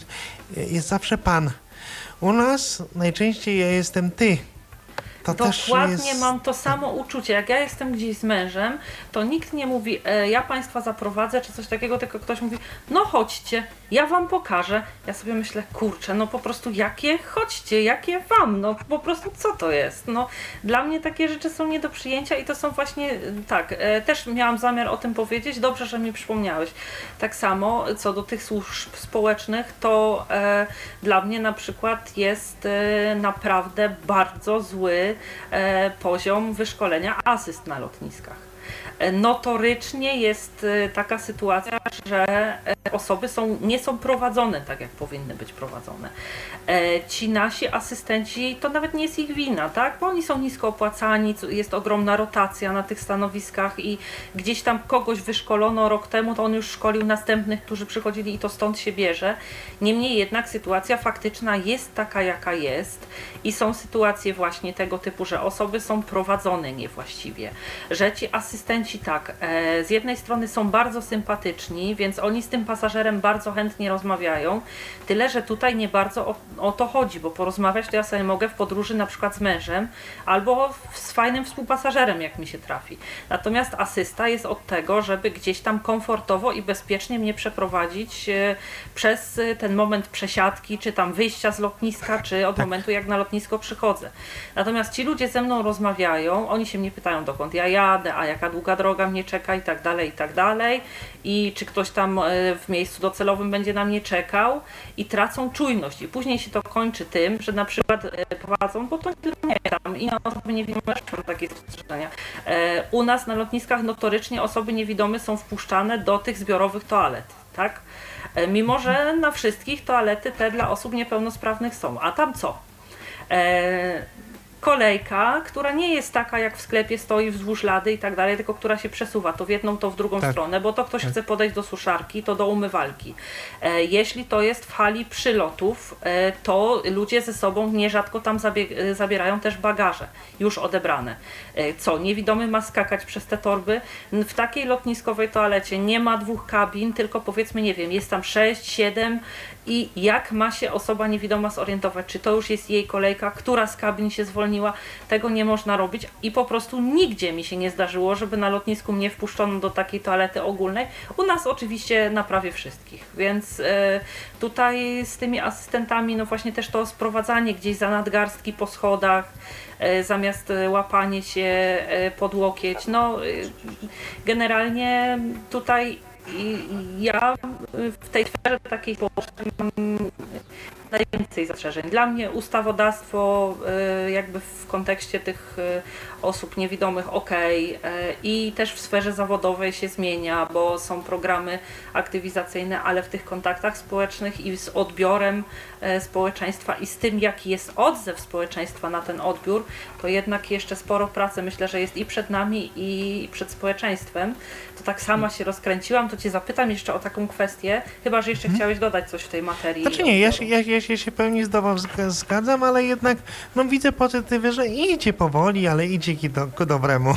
E, Właśnie, chciałam zapytać, co Twoim zdaniem em, my, jako osoby e, niewidome, możemy zrobić, żeby ten e, jakby dobry obraz e, i dobry odbiór nas przez społeczeństwo poprawić i przyspieszyć?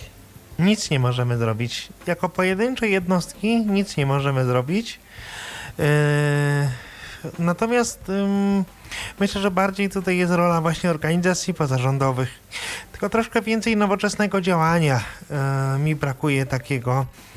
Yy, jednak media mają moc. Świetnie, że pojedyncze osoby niepełnosprawne, niewidome występują w jednym z dziesięciu, w jakimś innym teleturnieju, gdzie tam się nutki jakieś zgaduje, teraz nie pamiętam nazwy. Świetnie, że gdzieś tam w familiadzie. To jest rola takich pojedynczych osób niewidomych, tylko że e, musiałaby być naprawdę olbrzymia mnogość tych osób, żeby miały jakiś wpływ. Dlatego mówię, że pojedyncze osoby niewiele mogą zdziałać albo nic. Natomiast organizacje e, pozarządowe poprzez e, produkt lokowany, czyli na przykład w jakimś filmie byłaby osoba niewidoma, w jakimś serialu popularnym byłaby osoba niewidoma, która, są, która nie jest herosem, bo pójdzie po chleb, która jest po prostu zwyczajną osobą niewidomą, to znacznie większy wpływ na, ten, na zmianę tego obrazu i podejścia społeczeństwa do nas miałoby większy wpływ, duży wpływ.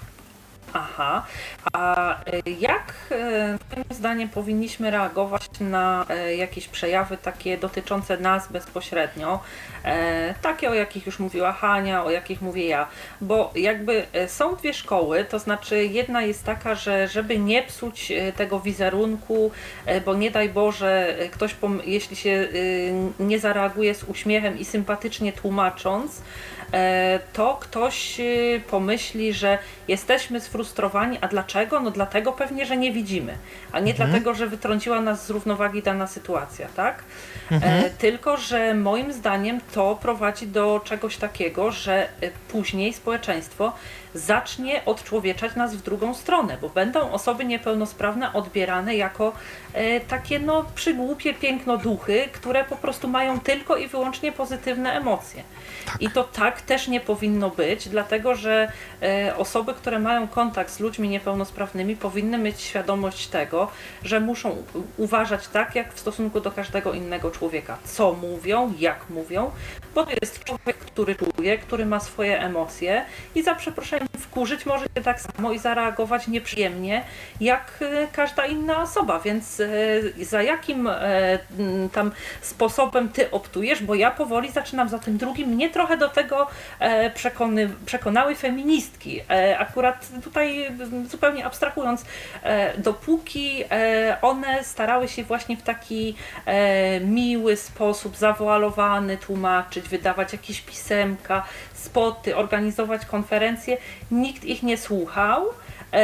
I jakby zaczęło się dopiero w momencie, kiedy one zaczęły pokazywać też te swoje negatywne reakcje na przejawy dyskryminacji. Czy z osobami niepełnosprawnymi, skoro e, tak słabo skutkuje e, ta taka, że tak powiem, e, pozytywna wersja, też czasami nie powinno być tak, że oczywiście nie mówię, że ktoś nas potrąci, mamy, nie wiem, przeklinać, odsądzać go od czci i tak dalej, ale czy w sytuacjach, kiedy ewidentnie nasza godność jest naruszana, powinniśmy w sposób nie pozostawiający wątpliwości jednak dać do zrozumienia, że Tak. takiego zachowania nie akceptujemy. Ja się z Tobą w pełni zgadzam i też jestem. e, Uważam, że ja nie jestem odpowiedzialny za całą społeczność niewidomych. I też uważam, że mam prawo do gorsz- gorszego humoru, gorszego dnia, do burczenia pod nosem czasami, e, bo ja jestem jednostką, jestem indywidualny e, i tyle. Tak, a przede wszystkim jesteś człowiekiem, a później dopiero człowiekiem niepełnosprawnym. Tak, dokładnie. E, Więc e, to tak jakby pewnego dnia założyć, że nie wiem, e, wszyscy ludzie, którzy mają powyżej tam, nie wiem, metra 80 nie mają prawa się złościć, tak? Mhm. Nasza niepełnosprawność jest jedną z cech, które posiadamy i z, jakby, Dokładnie tak jak ktoś jest siwy, ktoś jest rudy, gruby, tak samo jest niepełnosprawny. Oczywiście inne konsekwencje są z siwości, grubości, a inne z niepełnosprawności, ale wszyscy mamy te same potrzeby fizjologiczne, kultu- kulturalne, sportowe. Inne czasami tylko sposób realizacji tych potrzeb i tyle. E, To jeszcze już na sam koniec, tak e, kwestią dobrych rad i przestróg, e, chciałabym Cię zapytać o takie rzeczy, które w aspekcie tego odbioru społecznego i reakcji społeczeństwa na nas jako osoby niewidome najbardziej psują nasz wizerunek. Czego powinniśmy się absolutnie wystrzegać i e, jakie są zachowania jednostek, które rzutują na pogorszenie odbioru całej naszej społeczności. Hmm. Może jakieś zachowań, nie wiem, żebraczych. Yy, to z drugiej strony właśnie bardzo trudne pytanie jest, bo przed chwilą mówiliśmy, że każdy z nas jest jednostką indywidualną, prawda? I każdy ma prawo do swojego zachowania. Yy, więc myślę, że takich zachowań, które ogólnie są uważane za zachowania po prostu negatywne, złe, yy, i, tak jak kiedyś właśnie w średniowieczu niewidomi, prawda, byli prowadzeni przez y, jakiegoś y, pachołka o kosturze, chodzili od wsi do wsi i żebrali. I wszyscy niewidomi albo przynajmniej większość tak robiła, więc w społeczeństwie był taki obraz, o, obraz nas jako żebraków. Więc mi się nasunęła tylko właśnie takie, takiego, no nie wiem czego, bo żebractwa powinniśmy unikać, myślę, a reszta, a reszta to zachowania są po prostu naturalne. Ja myślę, że też e, ważne jest e, takie mm, obycie i ogłada, jaką reprezentujemy na co dzień. I ważne też jest to, żeby e, dbać e, o schludny wygląd, bo e, to też jest tak, że ludzie najczęściej odbierają nas wzrokiem i choćbyśmy po prostu mówili i robili nie wiem co, to tego nie zmienimy. I to wrażenie, które będzie pierwsze, jakie zrobimy na kimś, kto na nas patrzy, takie ono już pozostanie. I to myślę, że to jest jedna z takich ważniejszych kwestii, o której na pewno nie, nie można nam, nie wolno nam nigdy zapominać, bo e, naprawdę tak jest, że jak Cię widzą, tak Cię piszą, też jak Cię widzą, tak do Ciebie podchodzą.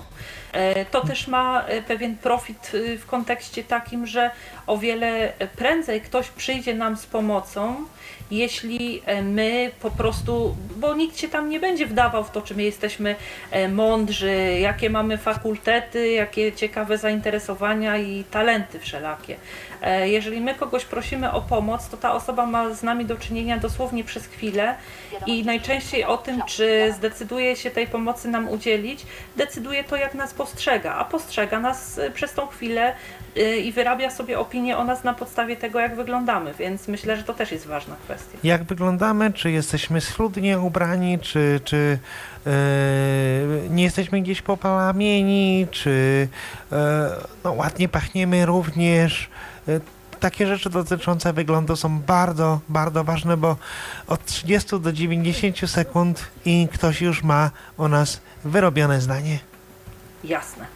To myślę, że e, na tym naszą dzisiejszą bardzo długą rozmowę możemy zakończyć. E, Bardzo Ci, Krzysiu, dziękuję za nasze pierwsze, mam nadzieję nie ostatnie spotkanie wspólne w Tyflo Podcaście.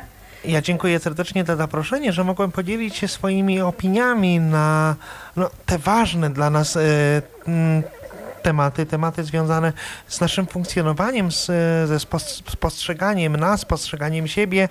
E, temat bardzo szeroki, temat bardzo trudny i i jestem dumny i cieszę się, że zostałem zaproszony do audycji. E, Dla mnie oczywiście prawdziwą przyjemnością było goszczenie w audycji i Ciebie, i Hani, która niestety już musiała się z nami pożegnać.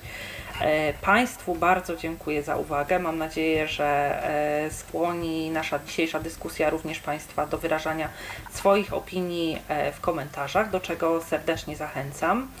E, A teraz już e, w imieniu e, mojego dzisiejszego gościa, myślę, że Hania też by tutaj przyłączyła się do tego. Dziękuję Ci, Krzysiu, za udział jeszcze raz. Dziękuję. Kłaniam się, Ala Witek, do usłyszenia. Był to Tyflo Podcast. Pierwszy polski podcast dla niewidomych i słabowidzących. Program współfinansowany ze środków Państwowego Funduszu Rehabilitacji Osób Niepełnosprawnych.